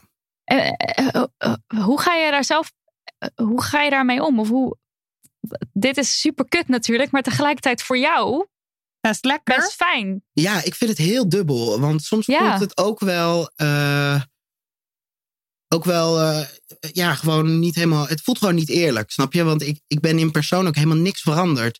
Dus het is heel raar dat ik nu. soort van vanzelfsprekend, puur en alleen omdat ik als man gezien word, daarin dat soort voordelen krijg. Dus het voelt ook af en toe wel een soort van. Ja, een soort van verraad naar de vrouw. Weet je wel, dat ik nu onderdeel uitmaak van die geprivilegeerd, eh, van die groep die zoveel privileges heeft. Van de guys, ja. Dus ik merk ook wel dat dat ik me echt overbewust ben van, eh, nou ja, ook die, die rol die ik speel. Dus als ik bijvoorbeeld eh, s'avonds over straat ga en er is niemand op straat en er komt een meisje tegemoet, dan ben ik heel bewust bezig met: oké, geef ik niet de vibe af van onveiligheid. Uh, Mhm. uh, ik wil niet uh, het gevoel hebben dat, dat ze bang moet zijn. Dus ik ben daar onwijs veel mee bezig. En wat doe je dan? Ga je een soort lollig staan zwaaien? Ja, en dan, ja, een beetje zo naar de grond kijken. Of juist vriendelijk Oh, ja. glimlachen. Of weet je, Ja. wat dan ook weer waar ik me Gewoon afvraag. een soort vibe uitstralen van fijn, veilig. Ja. Ja. Ja, en, en dus ook wel dat ik een soort drang heb om te bewijzen dat ik niet one of the bad guys ben. Mhm.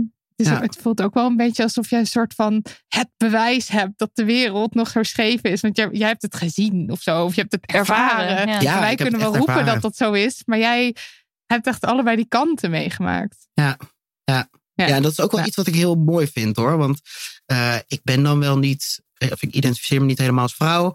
eh, maar ik heb wel gewoon 25 jaar lang als vrouw geleefd. Dus ik weet hoe het is om vrouw te zijn. Dus ik, heb, Mhm. ik draag ook een warm hart aan het eh, vrouw zijn, zeg maar. Morgan, ik zag je net heel stellig nee, eh, nee schudden toen we de, die vraag van die luisteraar stelden over... eh, oh, nou, eh, je ziet het helemaal niet. Wat goed gelukt en eh, wat leuk en het is helemaal top. Die, Die- dat is niet iets waar je je in herkent. Nee, helemaal niet. Punt is dat je bij mij wel ziet. Ik, Hmm. Dat privilege van passing zijn, dat heb ik dus niet. Ik, eh, ik ben twee meter lang. Ik heb vrij brede schouders nog wel. Lage stem. Ik heb logopedie geprobeerd. En daar kreeg ik keelklachten van. Dus daar ben ik mee gestopt. En ik draag geen pruik, want ik ben prikkelgevoelig. Dus kan een pruik op mijn hoofd niet verdragen. Alles bij elkaar iedereen, tenzij ik heel vrouwelijk gekleed ga, zoals nu, dan word ik gewoon meneer genoemd overal. Het is maar één keer tot nu toe overkomen doordat een vreemde me mevrouw noemde. Dat is dan steeds het enige geval wat in jullie boek genoemd is. Ja. Daar is het tot nu toe bij gebleven. En er zijn wel mensen die het doorhebben en mensen die me vaker zien, zeg maar. Ook mensen, als in niet vrienden, maar bijvoorbeeld eh, de baas van een, van een, een frietzaak waar, ik regelmatig kom. En die is daar gewoon heel. Ja, die had het al door. En die zeiden van, ja, je bent wel bezig met, volgens mij, met een aardige veranderingen. Maar zeg maar dat soort overdreven reacties, als jullie noemen, dat heb ik sowieso nooit gehad. Ik heb dus wel veel positieve reacties gehad, gewoon van, van de mensen eh, in mijn leven, op mijn ouders na. En verder van de meeste mensen, die hebben het niet- niet door, of die doen alsof ze het niet door hebben. Of... En die noemen me gewoon nog steeds meneer, als, we- als ze me al iets noemen natuurlijk. En ja, dat is niet altijd even leuk. Ja, ik heb het soort van geaccepteerd, als in ik neem, neem, het niemand, neem het ze niet kwalijk, want ja, dat is wat ze zien. Over het algemeen zal dit niet zijn van ze weten het wel, maar ze zeggen toch meneer. Nee, het is niet bewust, bedoel Het je? zal niet bewust misgenderen zijn, maar ik word wel de hele tijd gemisgenderd. Mhm. Ik vind dat wel moeilijk. Ik heb daar zelf wel. Ik zei het gisteren ook nog tegen iemand. Ik heb er niet voor mezelf moeite mee dat ik kaal ben en dat ik lang ben en dat ik een lage stem heb. Ik heb er moeite mee met wat het teweeg brengt bij anderen, zeg maar. Ja. Hoe anderen me daardoor zien. En zou je, want je hebt het in, de, in ons boek al een keer verteld. Zou je, wat deed het met je toen je door een vreemde dus wel op een goede manier, of zeg maar, ja, als mevrouw werd aangesproken? Zou je dat nog een keer kunnen vertellen, wat er toen gebeurde? Nou Ja, ik liep samen eh, met mijn ex over straat. En er was gewoon iemand die eh, met zijn dochtertje of zo daar liep. En die zei gewoon van, ja, let op die vrouwen of zo. Wel, Omdat, anders waren misschien tegen elkaar aangebotst. Ik weet de situatie niet meer precies. Maar nou ja, dat is wel fijn. Het is niet dat het dan een euforie is die vervolgens eh, een week aanhoudt of zo. Maar op dat moment was het gewoon van, ja, yes. Het gebeurt eens een keer, weet Ja. je wel. Ja. En ik moet daar, het kan best zijn dat het bij anderen ook geweest is, is dat ze me als vrouw zagen. Maar dat, dat, dat er geen gele- dat die daar niks over hebben gezegd, zeg maar, wat ik kon horen. ja, want het is natuurlijk niet altijd dat iedereen zegt... die mevrouw daar, die... Dat is, ja. dat is natuurlijk bedoel, niet je aan de zit hand. met 50 nee. mensen in een treincoupé. Je weet niet wat die 50 mensen denken. Nee, precies. Nee, precies. Nee, nee, goed. En heb je het idee dat je moet, eh, overcompenseren? Of dat je een soort extra je best moet doen om, om vrouwelijk dan door mensen gezien te worden? Ja, ik doe die, doe die moeite ook niet echt hoor. Want het, eh, ik heb nu make-up Nee. op en mooie kleren aan, omdat ik dat gewoon fijn vond. Ook om mezelf, mijn eigen gevoel wat zo te versterken, op het moment dat ik het hierover heb. Maar de vorige keer was met kerst en de keer daarvoor was misschien ook kerst en de keer daarvoor was bij jullie. Bij de, bij de boekpresentatie, ja. Maar dat komt ook door corona, hoor, Ja. want anders was het vaker gebeurd. Maar Ja, ja, ja. als ik gewoon zeg maar naar de supermarkt ga, dan ga ik gewoon met een spijkerbroek, een t-shirt en een jas of zo. Dan doe ik niet speciaal veel moeite. Hm, nee. Het zou misschien wel helpen, maar ik heb geen zin om daar toe te geven. Nee, want ik wou zeggen, het zou misschien helpen, maar het, het, het is denk ik heel belastend juist als je het zou proberen. Maar ik kan me dus wel voorstellen dat het gebeurt bij sommige trans mensen. Maar dat het dus juist heel vermoeiend is. Ja, het is voor mij ook een stukje principe wel hoor. Dat van, ja, ik vind Ja. gewoon dat ik ben wat ik ben. En ook als ik eh, geen make-up op heb of niet in een rok loop. Ja, ben je net zo hard vrouw. Ja, je hoeft niemand iets te bewijzen. Vandaar dus dat ik zoiets heb van, eh, ja, als ik gewoon, zeker als ik alledaagse dingen doe. Ik bedoel, neem aan dat jullie ook niet helemaal op gaan tutten als je naar de supermarkt gaat. En verder Nooit. ik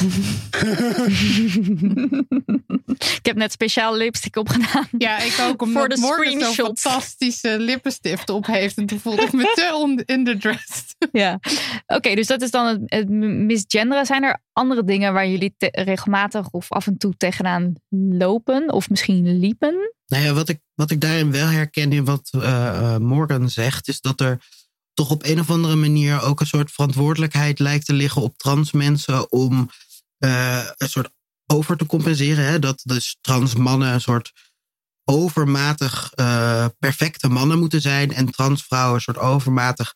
Dus eigenlijk dat de schoonheidsidealen die voor de cispersonen gelden, bijna nog harder gelden voor eh, transpersonen. En dat is natuurlijk Mhm. dat is natuurlijk echt onzin. En dat laat alleen maar zien hoe sterk die eh, vooroordelen zijn. Want inderdaad, een rok of niet, dat, dat maakt je niet vrouw. En het is wel heel, ik kan me wel heel voorstellen dat het heel lastig is als je. eh, tenminste, ik, ik word me dan ineens heel bewust van mijn privilege. Dat ik eigenlijk altijd toch gezien word. Niet helemaal, maar gezien word voor een deel van mijn identiteit. En dat het heel lastig eh, lijkt als dat toch continu al is het goed bedoeld, eh, eh, niet wordt gedaan. Mhm. Ja. Omdat ik daar dan ook wel echt enorm veel eh, respect voor heb, Morgan. Dat Ja. je toch gewoon dicht bij jezelf blijft. Ik kan me voorstellen dat het best lastig is. Dus Ja. heel fijn dat je ons daar eh, ook wat over wil eh, vertellen. Ja, Leert Ja. mij in ieder geval ook weer echt heel veel. ja, het is wel, ik vind het eh, voor mezelf soms wel moeilijk. Ik bedoel, ik worstel daar soms best wel een beetje mee. Want ik, maar ik weet ook dat ik er niks aan kan veranderen. Wat het juist moeilijk maakt. Mhm. Ik bedoel, ik kan niet even de 10 centimeter van mijn benen afhalen of eh, dat soort dingen. Nee. Dus het zijn allemaal dingen waar ik eigenlijk niks aan kan veranderen. Dus die ik voor mezelf heb leren accepteren. Maar het is vooral de buitenwereld dus die daar lastig is. Maar ik heb ook geen echt hele negatieve ervaringen. Ik ben niet, Hmm. niet uitgescholden. eh, het is misschien ook een beetje waar ik woon. Ik woon wel in een dorp in Twente. En ze zijn hier toch wel een beetje van... oh ja, je bent raar en apart, maar je mag er ook wel zijn. So be it. Ja, En dat is misschien dan ook dan dat mensen je ook kennen dan. Dus dat er niet snel... Zoals als ik nu de straat op ga, dan zal ik waarschijnlijk meteen tien mensen zien die ik nooit eerder in mijn leven gezien heb. Wat misschien anders is in een dorp. Of denk je niet dat het daar ja in kennen zit? me als in... ik ben import. Ik woon hier sinds 2016, maar... Dus eh, er er zijn weinig mensen hier in het dorp die mij persoonlijk kennen. Die, die waarmee ik echt gesproken heb. Meer dan Mhm. eh, bij de kassa van de supermarkt. Hoi, hi. En, eh, Ja. Maar ze kennen je verschijning. Ja, en ze hebben me natuurlijk ervoor ook gezien, voor transitie. Want ik woonde hier al daarvoor. En toen zag ik er ook wel apart uit, maar anders. Ik heb ook wel gedacht, als ze me hier echt slecht zou, zouden behandelen... als ik inderdaad uitgescholden zou worden of zo... dan is het van, ik ga nu op zoek naar een andere woning. En dan, dan zou ik ergens anders gewoon... gelijk de eerste dag gewoon in rok... en zo aankomen lopen... zodat ze gelijk een soort bepaald beeld bevestigd krijgen... Maar zolang dat hier nog gewoon lekker meevalt, weet ik hier wat ik heb. Dat ik hier veilig over straat kan. En, maar ik ga niet over straat als de, als de carnaval bezig is. Zeg maar, als er een Mhm. feest bezig is waar, waar een risico is dat er veel mensen met alcohol op straat lopen of zo, dan, dan blijf ik wel binnen. En dat heb ik ook s'avonds Ja. in steden, zo, Mhm. als, ik, als ik alleen ben. Dus je krijgt toch een stuk voorzichtigheid in de keuzes die je maakt over waar je wel en niet naartoe gaat. Heb je als vrouw natuurlijk ook, maar ik Ja. Ja, je waarschijnlijk krijgt je gedrag nog wel wat meer. Ja, Ja, ik, ik heb de cijfers daar nog even van opgezocht. Dit is, dit is dus heel heftig. Ehm, eh, van Transgender Netwerk Nederland dat 43% van de transpersonen jaarlijks eh, discriminatoire geweld meemaakt. En veel transpersonen regelmatig worden uitgescholden, nageroepen of belachelijk gemaakt worden in de openbare ruimte. Dit. Echt een hoog percentage, want het gaat echt om geweld. Ja, ja. dus die, die, die angst, die. ehm, Ja, is hartstikke, is heel legitiem. ja, Ik heb dat dus nog niet meegemaakt, nee. maar ik loop nu al best ruime tijd met een persoonlijk alarm aan mijn sleutelbos. Dus als ik daar wat uittrek, dat er een eh, heel hard geluid. eh, ja, ja, dat was een soort Ja. better safe Dus than ook al heb je die meegemaakt, het is wel je realiteit. Ja. Ja, precies. Ja. Ja. En je zei net van af, eh, af en toe zit ik er dan wel doorheen of, of nou raakt het me. Heb je dan ook iets wat jou steun geeft of iets wat je dan nou, doet of wat helpt? Nou, sowieso gewoon het besef hoeveel mensen me wel gewoon accepteren. Hmm. Ik bedoel, dat zijn bijvoorbeeld de mensen op de Damn Honey Slack en de mensen op de Geen Doorhoud Discord en de mensen van, van Feminist Against Ableism. En gewoon de vrienden en kennissen die ik om me heen heb, buiten mijn ouders nogmaals, die accepteren me gewoon zoals ik ben. Ja. En als je dat niet zou hebben, dan zou het, ja, dan weet ik niet wat er zou gebeuren. Er was een, eh, een paar jaar geleden zo'n zo'n Belgische serie, een soort Hij is en Zij, eh, wat, wat dan een Nederlandse serie is. Maar een Belgische serie over trans mensen. En daar is ook eentje daarvan, een triggerwarning, die zelfmoord gepleegd heeft later na de serie. En die werd ook door de eigen omgeving niet geaccepteerd. Dat kwam ook in beeld. Dus als je helemaal niemand hebt die je, of bijna niemand die je accepteert zoals je bent, dan heb je het pas echt moeilijk. Ik Ja, heb gewoon ja. nog wel de support gewoon van mijn eigen, van die bubbel waar ik het ook in bij die andere vragen over had. Daar ben ik gewoon, kan ik gewoon mezelf zijn. En die zeggen wel gewoon zij, ja, als ik dat, dat geeft mij gewoon de, de, de, kracht, zeg maar, om van door te gaan. Ja, ook hier, ik heb ook hierover, ehm daar zijn ook cijfers over bekend. En dat is 41,5% van de transgender personen geeft aan eh, dat zelfmoordgedachten gelinkt zijn aan de geaardheid. Staat hier op de website van, eh, eh, van eh, 113. Ehm, dus ook voor mensen die wellicht luisteren en die daarmee zitten. Je kan terecht op 113.nl. Je kan bellen, je kan chatten. Je kan bellen naar 0800 0113. Dat dat wel even gezegd is. Want dit is een heel, dit is een, ook een heel groot onderdeel van het Ja. trans zijn. Nu, ja, nu maken we het heel zwaar, maar het is natuurlijk wel wat het, de situatie. En Misschien kan ook iemand ook specifiek terecht bij transvisie bijvoorbeeld. Ja, Dat is een soort patiëntenvereniging voor trans mensen. Nou zijn we natuurlijk geen patiënten, maar iets eh, van van de soortgelijke strekking. En die hebben ook supportgroepen en door, door op diverse plaatsen in het land waar je ook met lotgenoten eh, kan praten. dus het is ook eigenlijk het advies van zoek mensen om je heen, al dan niet online, die, ja, die jou accepteren voor, voor wie je, ja, accepteren klinkt ook weer zo, maar gewoon dat je gewoon jezelf, dat je zo mag Ja. zijn, Ja. gewoon bent. Dat je gewoon bent en dat dat prima is. ja, En ja. net zoals iedereen. En die, en die omgevingen zijn er dus zeker online. Ja. En je kunt ze vinden. Een ander woord wat wel vaak ook wat je vaak hoort als het over trans zijn gaat, is genderdysforie. Kan een van jullie twee uitleggen wat dat betekent? Tijn? Ja. Ja, zeker. Ja. Eh, genderdysforie is eigenlijk eh, de term die gebruikt wordt als je eh, ongemak, eh, ontevredenheid ervaart bij eh, de kenmerken die komen bij het geslacht waarbij, wat je toegekregen hebt. Wow, Oké, het wordt nu heel lastig als ik Ja, het zo ja, ja, ja. uitleg. Maar ik ga het nog makkelijker zeggen. Eh, eh, dus eigenlijk het ongemak met eh, de kenmerken die niet passen bij je genderidentiteit. Ja. Dus bijvoorbeeld even op mijn voorbeeld. Ik heb heel veel last gehad van genderdysforie toen ik nog mijn borsten had. En dat gaf me gewoon heel veel. het zorgde echt dat ik me ging isoleren. Dat ik eigenlijk niet naar buiten wilde. Ik droeg ook altijd een binder, een hesje die eh, mijn borst plat drukte.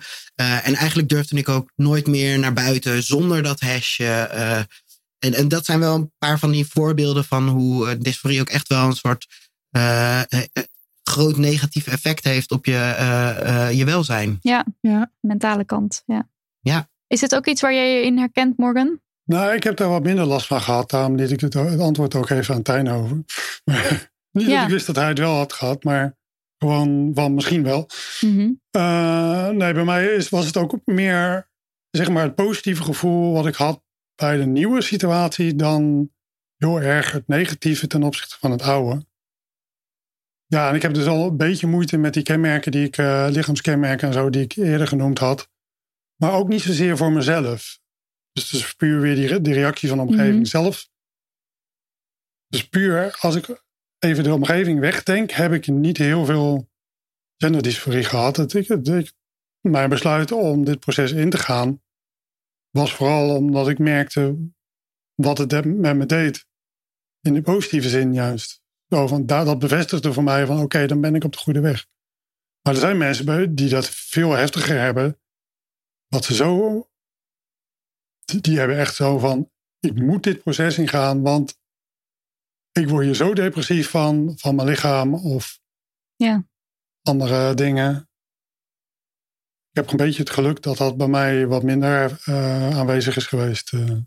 En als we dan nog even op die positieve kant dan gaan, want het gaat nu, het gaat nu ook veel over de negatieve kant, maar dus dat moment, of nou niet het moment, maar die, die fase dat je zo steeds meer ja, jezelf leert kennen, kan ik het zo zeggen? Ja, Wat voor gevoelens komen daar dan? Ik weet niet of je dat in woorden kan vatten hoor, maar misschien kan een van jullie een poging doen. maar daar heb je ook een term voor. Dat heet gender-euforie. Dat is eigenlijk het tegenovergestelde van gender-dysforie. Dat is juist dat je je dus Ja. heel blij voelt met... of met de ontdekking die je doet... of met de veranderingen die hormonen teweeg brengen... en al dat soort dingen. En dat, daar heb ik zeker toen ik... Ik ben dus een jaar nadat ik in het proces begon... in zeg maar voorjaar 2018 ben ik met hormonen begonnen... En toen ik die een maand of drie, vier gebruikte, toen in augustus, toen was ik op een, een, een festival in Duitsland. En daar heb ik dus voor het eerst als vrouw gewoon tussen het publiek staan dansen een band. En dat was zo'n, dat was echt zo'n ge- geval van gender-euforie. Euforie, ja. Het is daarna wel weer een beetje weggezakt, dat euforische gevoel. Maar toen had ik echt het gevoel van yes. En dat, toen, dat was ook een periode waarin ik me echt... De, de, waar ik het eerder over had, van waarin ik me echt vrouw voelde. En daarna is dat toch weer een beetje aan het schuiven gegaan. Maar, dus ja. Zo, dat zijn de positieve kanten, eh, gevoelens die je erbij kan hebben. Zeg maar. En kan je dat gevoel eh, terughalen? Kan je dat oproepen? Of Weet je, dat, ja, ik heb dat gewoon af en toe nog als ik, als ik mezelf in leuke kleren zie of alle situaties. Het is niet dat ik het eh, even makkelijk kan verwoorden. Ik ben niet zo makkelijk in de vertaling van gevoel naar woord. Voel wel heel veel, maar Mhm. dat zijn als, alsof het twee eh, domeinen zijn. Je hebt de taal en je hebt gevoel. Ja. Dat zijn, ook, dat zijn ook twee domeinen. Het is super moeilijk, omdat eh, dat is waar we het net ook over hadden. Dat taal, de woorden die je kiest, sluiten andere woorden alweer uit. Het gevoel kan, dat kan bijna niet. En voor jou, Tijn, de gender-euforie? Is dat iets voor jou? Ja, absoluut. Absoluut. Ik heb het nog steeds eh, vaak.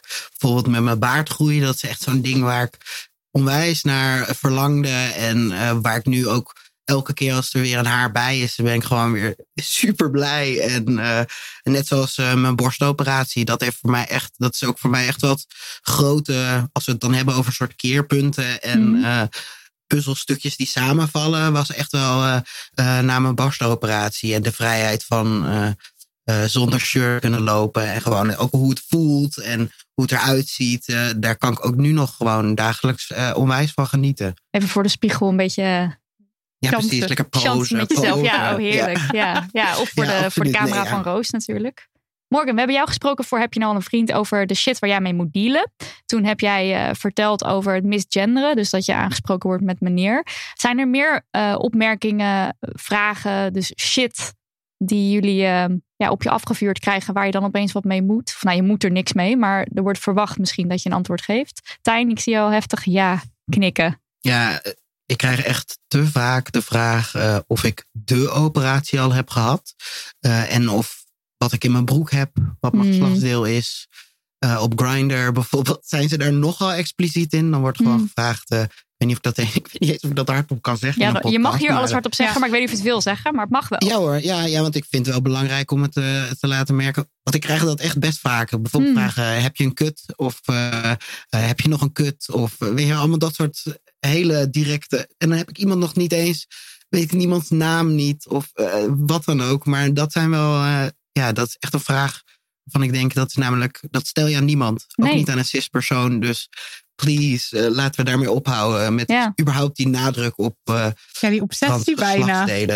Echt. Ja, het is heel bizar. Ja, ik vind dat eigenlijk ook eh, richting grensoverschrijdend gedrag. eh. Ja, Ja, absoluut. Kijk, en ik snap, ik snap de nieuwsgierigheid. Hè, en eh, ook dat mensen het, zeker als je bijvoorbeeld eh, eh, eh, een seksuele relatie aangaat of een relatie aangaat, dat je daar nieuwsgierig naar bent.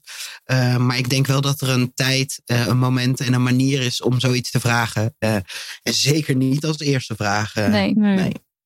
En ehm, wat we ook wel, zeker nu Nicky zichzelf, ja, zeker nu Nicky uit de kast is, en Nicky Tutorials, eh, was opeens weer het, eh, de term deadname kwam opeens weer veel langs.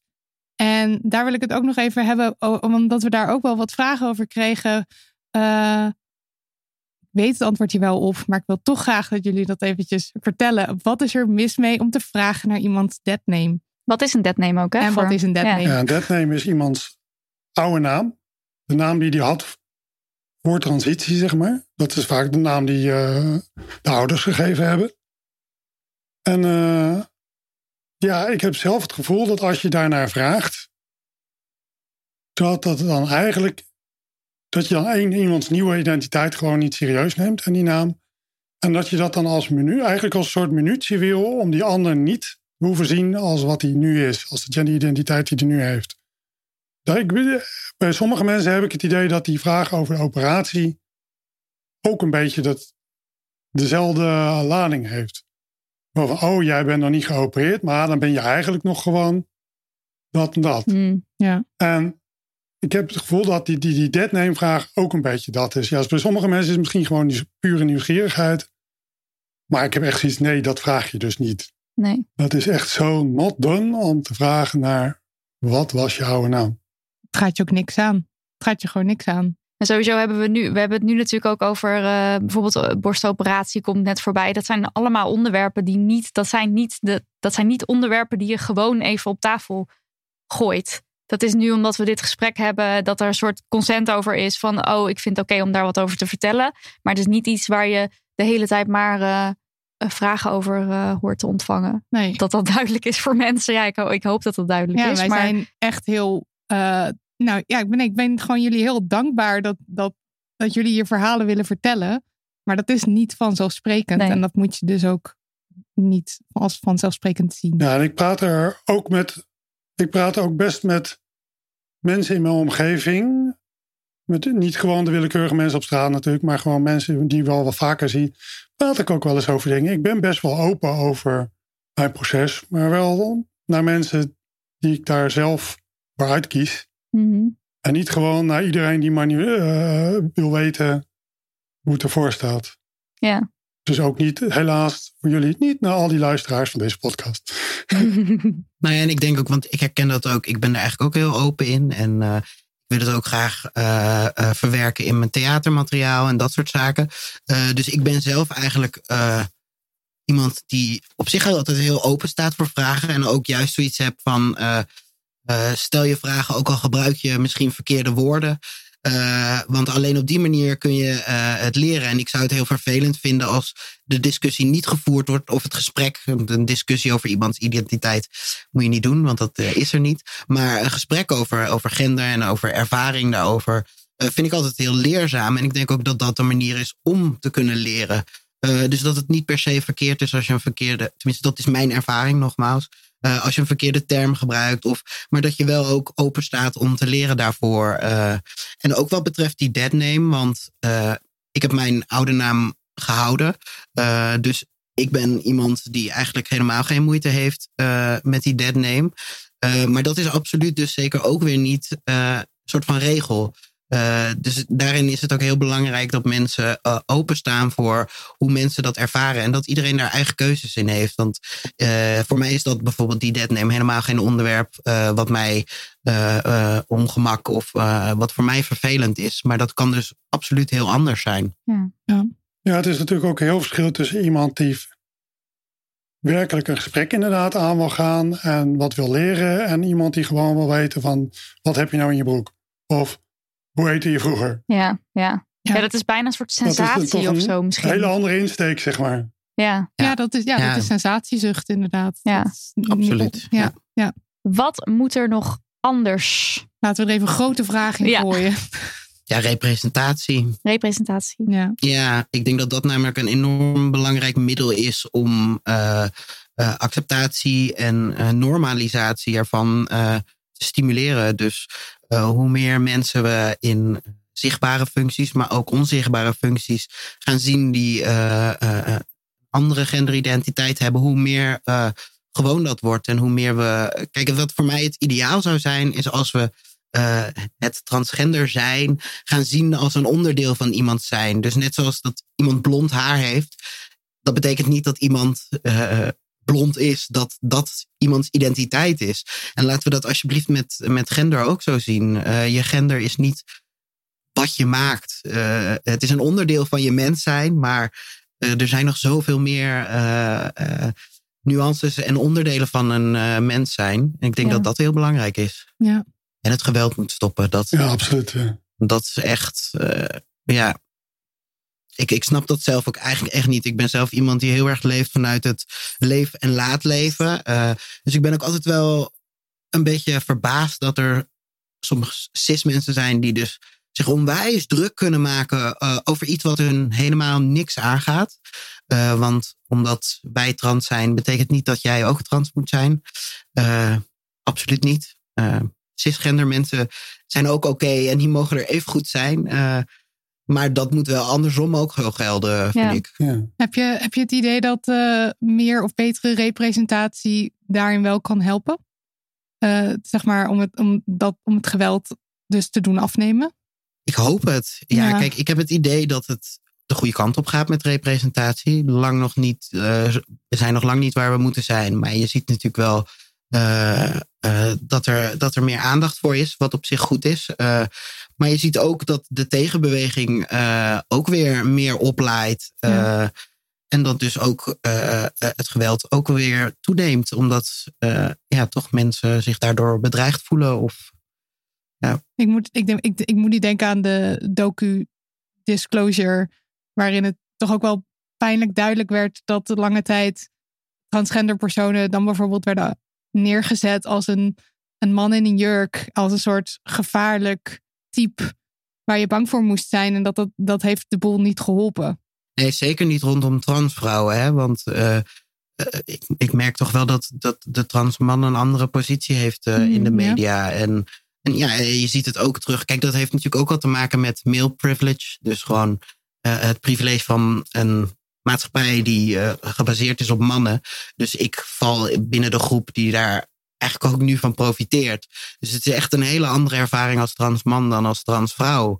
Eh er is veel meer onveiligheid voor eh, transvrouwen. Ja, ik had zelf ook al wat dingen van, van wat moet er anders. Meer dingen zeg maar, die vanuit een, bijvoorbeeld een overheid geregeld zou kunnen worden. Dat er nou ja, kortere wachttijden, dat vrij, maar dat vereist vooral ook meer investering en ook meer opleiding. Want ik geloof dat je de meeste psychologen zeg maar, in opleiding er nauwelijks wat over krijgen. En wat ook wel makkelijker mag, dat, dat sluit een beetje aan op, uh, op jullie vorige podcast met Nanoa. Voor zover ik begrepen heeft Nanoa, en ook degene die aan de voor ging, die heeft uh, daar een rechtszaak voor moeten voeren. En Mhm. ik vind dat de mogelijkheid om een X in je, op je idee te krijgen en je, je naam te, eventueel te wijzigen als je dat wilt, voor non-binaire personen ook gewoon net zo makkelijk zou moeten zijn als het voor andere trans mensen is. Want ik heb daar. Het, is nu, het gaat nu als het goed is nog makkelijker worden. Dat is een positieve ontwikkeling. Maar ik, ja, ik moest daar van mijn psycholoog een verklaring voor krijgen. En daarmee naar mijn gemeente waar ik geboren ben. En dan heb je daar een afspraak van een kwartiertje en dan is het geregeld. Ja, en dan heb je nog dat je een nieuw, nieuw, nieuw Hm. paspoort moet aanvragen, dat soort dingen. Maar dat gaat relatief makkelijk. En er zijn wel wa- wat kosten aan verbonden. Maar als je het niet te vergelijken, als je een rechtszaak moet gaan voeren om dat voor elkaar te krijgen. Dus ik vind dat, het, dat zeg maar, die mogelijkheid, die keuze voor non-binaire mensen ook wel wat makkelijker mag worden. Ja, überhaupt dat eh, binaire systeem wat minder. eh, ik denk dat we daar allemaal baat bij zouden hebben. En ik weet niet, Morgan, heb jij toen ook eh, moeten betalen voor die verklaring om het te wijzigen? Ja, maar wel een relatief klein bedrag. Ik begrijp dat als jij zeg maar. want Je kan die verklaring ook loskrijgen als je niet in behandeling bent. En dan betaal je echt honderden euro's. Mhm. En als je wel bij iemand in be- behandeling bent op een instelling en die heeft die bevoegdheid, want er zijn maar bepaalde psychologen die dat, die verklaring mogen tekenen, dan, dan ja, de- bij mij was het ergens van 75 euro of zo, ik weet niet meer precies. En daarna komen dan de, ko- de kosten bij voor de, Nee, ja, voor mij ook. Alleen voor, de, voor nieuwe ideeën en de rijbewijs. ja, vervangen. Dan is het best weer een Ja. smak geld, toch? Als je het allemaal bij elkaar optelt. Ja, en ik vond toen 75 euro. eh, eh, ik had toen op dat moment een uitkering. Dan heb je niet even zomaar eh 75 veel. euro te liggen. Ja. Dus ondanks dat het op zich een relatief laag bedrag is, is het natuurlijk eigenlijk van de zotte dat je moet betalen voor een, eh, een, een bevestiging van je, eh, ja, je diagnose. Ja. Dat is, dat is- volgens mij hoeft dat tegenwoordig ook niet Of binnenkort, meer. ja, ik weet niet precies hoe, hoe de, de status daarvan is, maar er zijn plannen dat je gewoon, volgens mij zelfs naar je eigen gemeente kan gaan waar je nu woont. En dat je het dan zelf kan verklaren en dat je dan maximaal twee keer of zo het op die manier kunt, eh, kunt wijzigen. Wat ook nog moet veranderen is dat het, eh, het VUMC eh, beter gaat samenwerken met andere organisaties. Want op dit moment hebben zij zeg maar een soort, soort van het alleenrecht. En werken ze eigenlijk vrijwel niet samen met andere eh genderclinics. En dat is echt eh, heel raar eigenlijk. Want daardoor loopt kennis achter of zo? Of wat, eh, wat is het? Nou ja, ze- ja, hoe heet dat nou? Ze hebben zeg maar een soort van. eh, omdat ze eigenlijk weinig samenwerken met andere ziekenhuizen. En ziekenhuizen die mogelijk een poli willen op.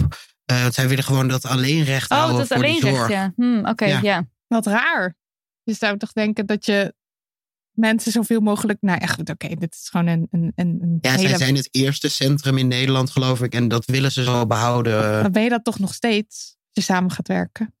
Oké, snap het ook niet helemaal, Dat maar- is mijn, mijn eerste basisreactie op dit soort dingen altijd. Ze hebben helemaal niet de capaciteit om iedereen te verwerken. Nee, dus het is Dat heel raar niet. dat je dat zijn die toch hebt. zo hoog. Ja. Ja. Zien jullie verder positieve ontwikkelingen? Ja, mijn positieve heb ik even net genoemd. Dat het dus makkelijker wordt Mhm. Om je naam eh, en je geslacht aan te laten passen eh, bij de gemeente.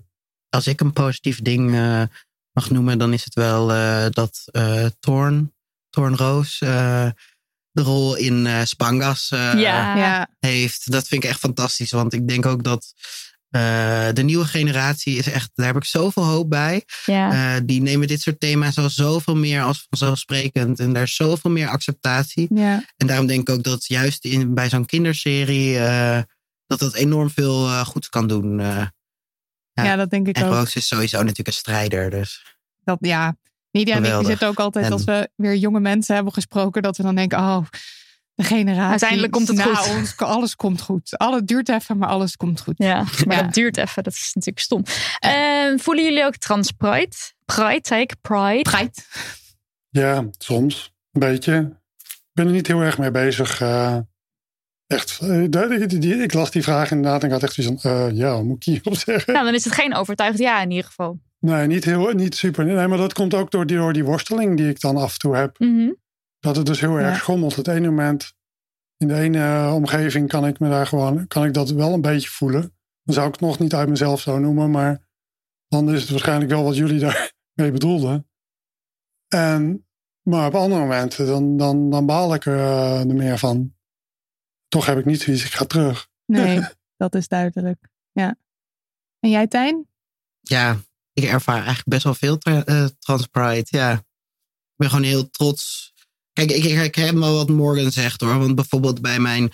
eh, het feit dat ik elke twee weken mezelf moet injecteren met eh, testosteron. Dat is echt wel zo'n dingetje waarvan ik denk: ja, het is super fijn dat het kan. Maar het is onwijs vervelend dat het moet. Ik zou het liefst eh, willen dat dat niet hoeft. En ook willen dat ik geen operatie nodig had eh, om de borstkas te krijgen eh, die ik heb.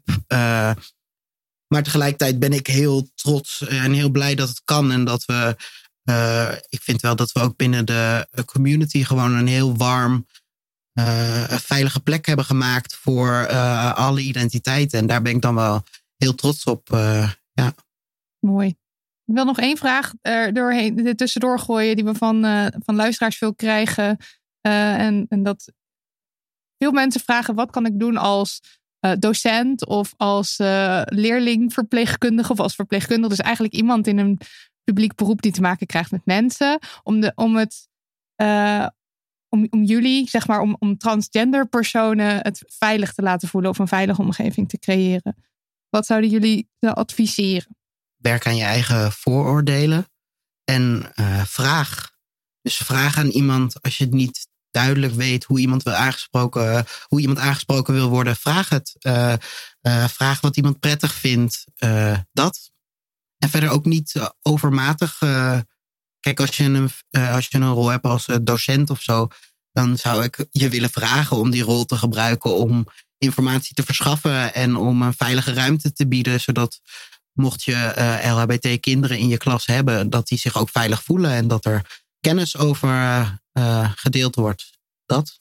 Ja, le- leer er een beetje over, verdiep je er een beetje in. En gebruik daar wel bij bronnen die ook afkomstig zijn van trans mensen. Dus luister naar wat trans mensen zelf zeggen en niet naar wat over trans mensen gezegd wordt.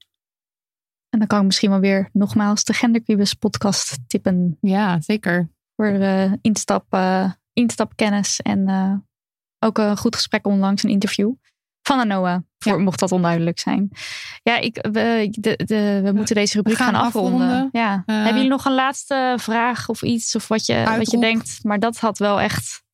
Kijk, ik snap ook dat dit een veel te groot onderwerp is om, om dat te vatten in een eh, half uur praten. Maar dat eh, gender, eh, het genderconstruct denk ik niet alleen voor transpersonen lastig kan zijn, maar ook best wel voor cispersonen. Dus eh, ik vind het ook altijd wel interessant om een soort van tegen hen allemaal te zeggen, ga ook eens op onderzoek uit naar wat je gender voor jou betekent, ook al is het vanzelfsprekend. Ja, ik zit te denken. Mijn eerste neiging om te, om te zeggen, sluit helemaal niet bij het onderwerp aan, is, maar dat is Stemje net Cheddar. dat is een hele goede promo die je inslijt. om- om- Nummer vier op de kieslijst van bijeen. Ja, maar om zo daar wel op aan te sluiten. Bijeen heeft ook meerdere trans mensen eh, op de kandidatenlijst staan. Op diverse plekken. Dus bijeen stemmen als je meer inclusiviteit wil in de algemene zin. Ook meer mensen van kleur. En zo is sowieso wel een aanrader, vind ik. Maar dat moet iedereen natuurlijk zelf weten. Zelf weten, dat is een heel mooie afsluiter. ja.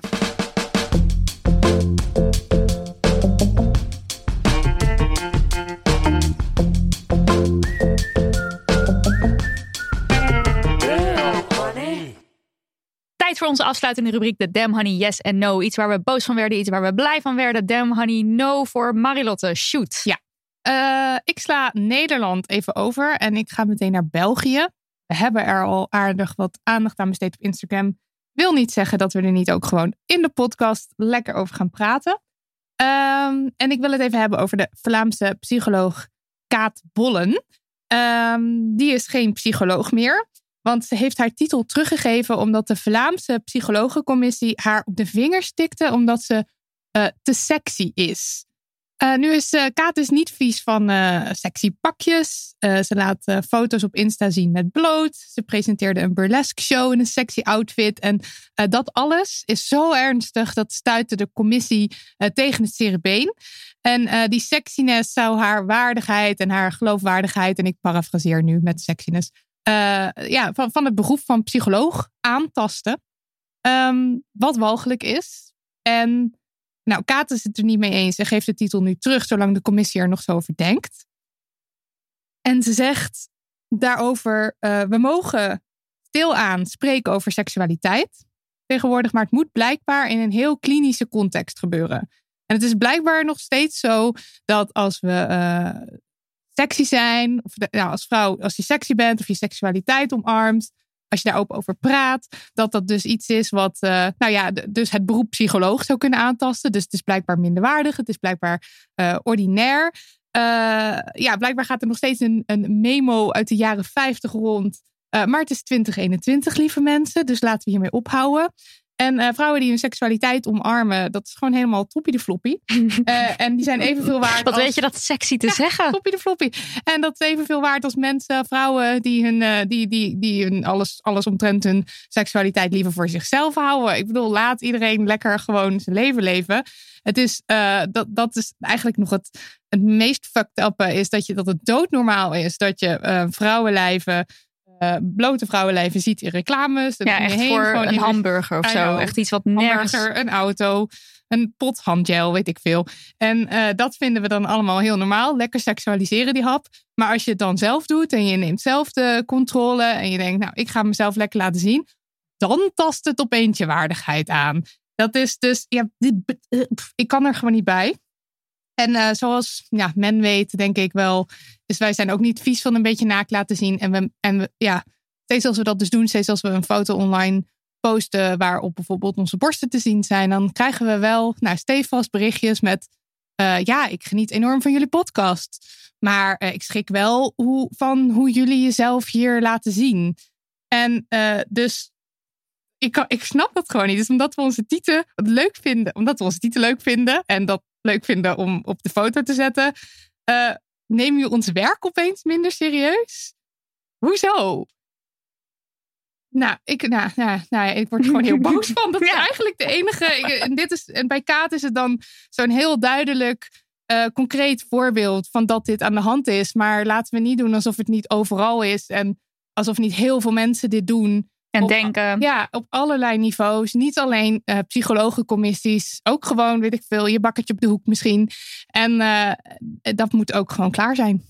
Ja, dat Sluit me daar alleen maar bij aan. pleidooi om lekker te doen waar je zelf zin in hebt.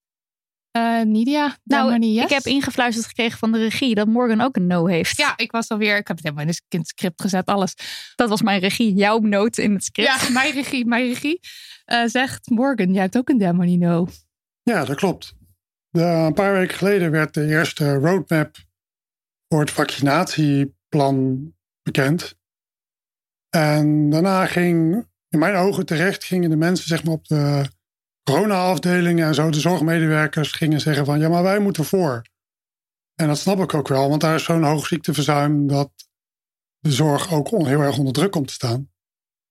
Maar kennelijk hebben een heleboel andere groepen dat aangegrepen om ook te gaan roepen dat ze voor willen. Ik las van leerkrachten, politieagenten, brandweer geloof ik. Ja, op een gegeven moment was gewoon iedereen erbij. BOA's. Ja, de BOA's. Ja, allemaal, allemaal wilden ze voor. En dat gevoel dat ze zelf ook aan de beurt willen zijn, zeker die mensen die inderdaad eh, vanuit hun werk in contact komen met anderen, dat snap ik helemaal.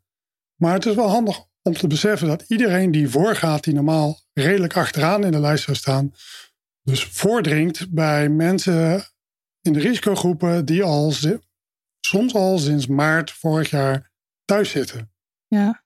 En waaronder dus mijn beste vriend. En omdat ik hem wil beschermen, ik ook. Dat, niet dat ik dat dus voor mezelf zeg. Ik zeg het voor die mensen die risico lopen. Ik bedoel, ik, Mhm. kans dat ik het ernstig ziek van word of dood van ga is niet groot. Maar die andere mensen wel. En ik op de Discord van Geen Doorhoud, dan kon ik de frustratie over al die mensen die maar voor wilden, die, die straalde er gewoon vanaf. Ja. Ja. We hebben daar een schreeuwkanaal. Waarin mensen dan heel hard uh, in tekst of met, met gifjes of zo gaan, uh, gaan roepen als er weer iets frustrerends gebeurt. Nou ja, dit, dit soort dingen zijn dan wel aanleiding om daar flink in te gaan schreeuwen als er weer een groep zegt van ja, maar wij willen ook voor. Ja. ja. Dat was mijn Demanino. Oké, okay, dan een yes.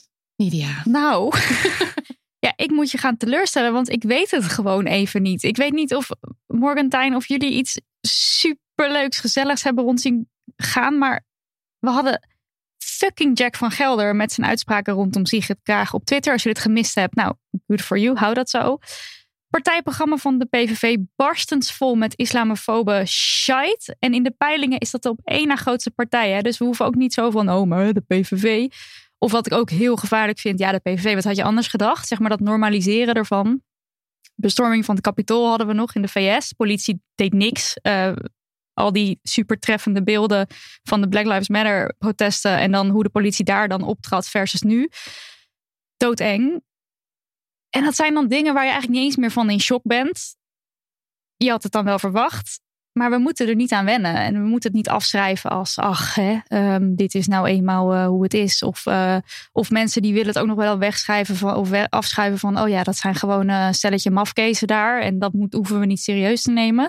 Het is gewoon rot. Ja, dus eigenlijk uh, we zijn nog geen twee weken in nou, 2021 en we zakken ja. al weg in de stront. Dat is ja. eigenlijk waar het uh, op neerkomt. En ik heb vaak dan nog wel een gezellige podcast tip of zo. Maar was er ook niet? Nou, ik had niet, ja. maar ik zag wel, er was net een nieuwe aflevering. Um, even kijken hoor. Sorry, ga ik gewoon heel erg om de spot. Want dit zag ik net toen Toby ging uitlaten. Um, er was een nieuwe aflevering van De Witte Stok. En dat is een hele leuke podcast. Oh, ja. Gemaakt door twee blinde mensen. En uh, een van de mensen die de podcast maakt, die krijgt een blinde geleidehond. En dat, gaat, dat traject gaat ze ons op meenemen. En er was een hele korte uh, update. Die duurde maar drie minuten. Maar goed, toen dacht ik. Dit is hey, een, een yes. Drie nou, dat, is, yes. dat is toch te, te tragisch voor woorden. Maar goed, het is wel een podcasttip die ik dan toch nog kan geven. Nou ja, dat is positief. Is er misschien ook nog een uh, persoonlijke Dem dan om de boel mee, vrolijk mee af te ronden? Ja, die is er. Dit is heel leuk. Een van mijn goede voornemens is elke dag klaarkomen in 2021. En het gaat helemaal, zoals Marilotte dat zou zeggen, toppie de floppy.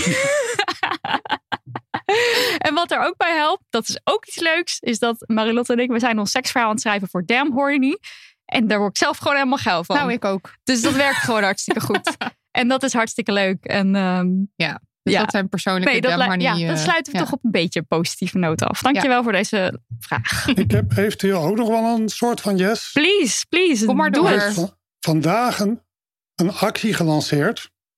Dat is een samenwerking van Geen Doorhoud en Bijeen. En die, dat gaat om de hashtag Ik tel ook mee.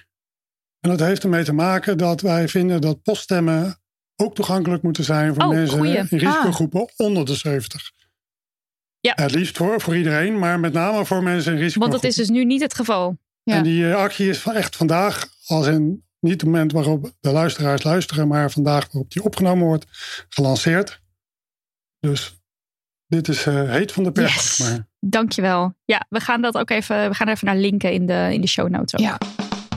Dit was aflevering 59. Uh, dank jullie wel, Tijn en Morgan, dat jullie uh, jullie verhalen met ons wilden delen. Ik denk dat het echt veel waard is. Dankjewel. Hartjes. Drie keer bedankt Daniel van de Poppen voor de editkunsten. En voor af en toe, dat is dus leuk, want dan wij zien Daniel helemaal niet. We zien elkaar op een schermpje, maar Daniel niet. Maar af en toe hoor je dan zo, hallo, vanuit de ruggie. En dan zegt hij iets. En zo lijken we vet professioneel. Dus dat is leuk. Uh, dus de bedankt. Uh, Lucas de Geer ook bedankt voor je swingende jingles. En uh, Lisbeth Smit voor de website. We love de website, dankjewel. En bedankt lieve luisterende honingballies. We love you. You are very special. Volgende aflevering hebben we twee winnaars van de Ribius Pelletier Penning te gast. Waarmee we praten over vrouwen in de politiek. En dat zijn Devika Partiman en Manja van der Bijt. De Ribius Pelletier Penning is een onderscheiding die jaarlijks wordt uitgereikt aan een vrouw die zich inzet voor vrouwen in de Noord-Hollandse politiek. En ken jij nou zo'n vrouw? Ik wou ook zeggen, ben je nou zo'n vrouw? Maar dan weet ik niet of, je, of dan deze oproep geschikt is. Dan kan je haar aanmelden als kanshebber voor de penning van 2021. En dit kan via penning.noord-holland.nl. Maar als je zelf zo'n vrouw bent, kan dat toch ook wel? Ja, dan geef je oh, gewoon jezelf, jezelf op. Ja, ik zou dat. ja. Ik vind het top. Ja, doe het. Toppie de floppy. Ja, toppie de floppy. Um, denk je nu, ik wil die meiden van Damn Honey heel veel geld geven, of een beetje geld geven mag ook, dan kan dat. Uh, dat kan via petje.af slash damnhoney. En je kunt een eenmalig bedrag overmaken of een vast aantal piek per maand. Of niet. Altijd helemaal zelf weten. Dag. Doei.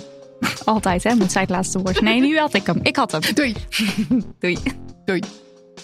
Doeg.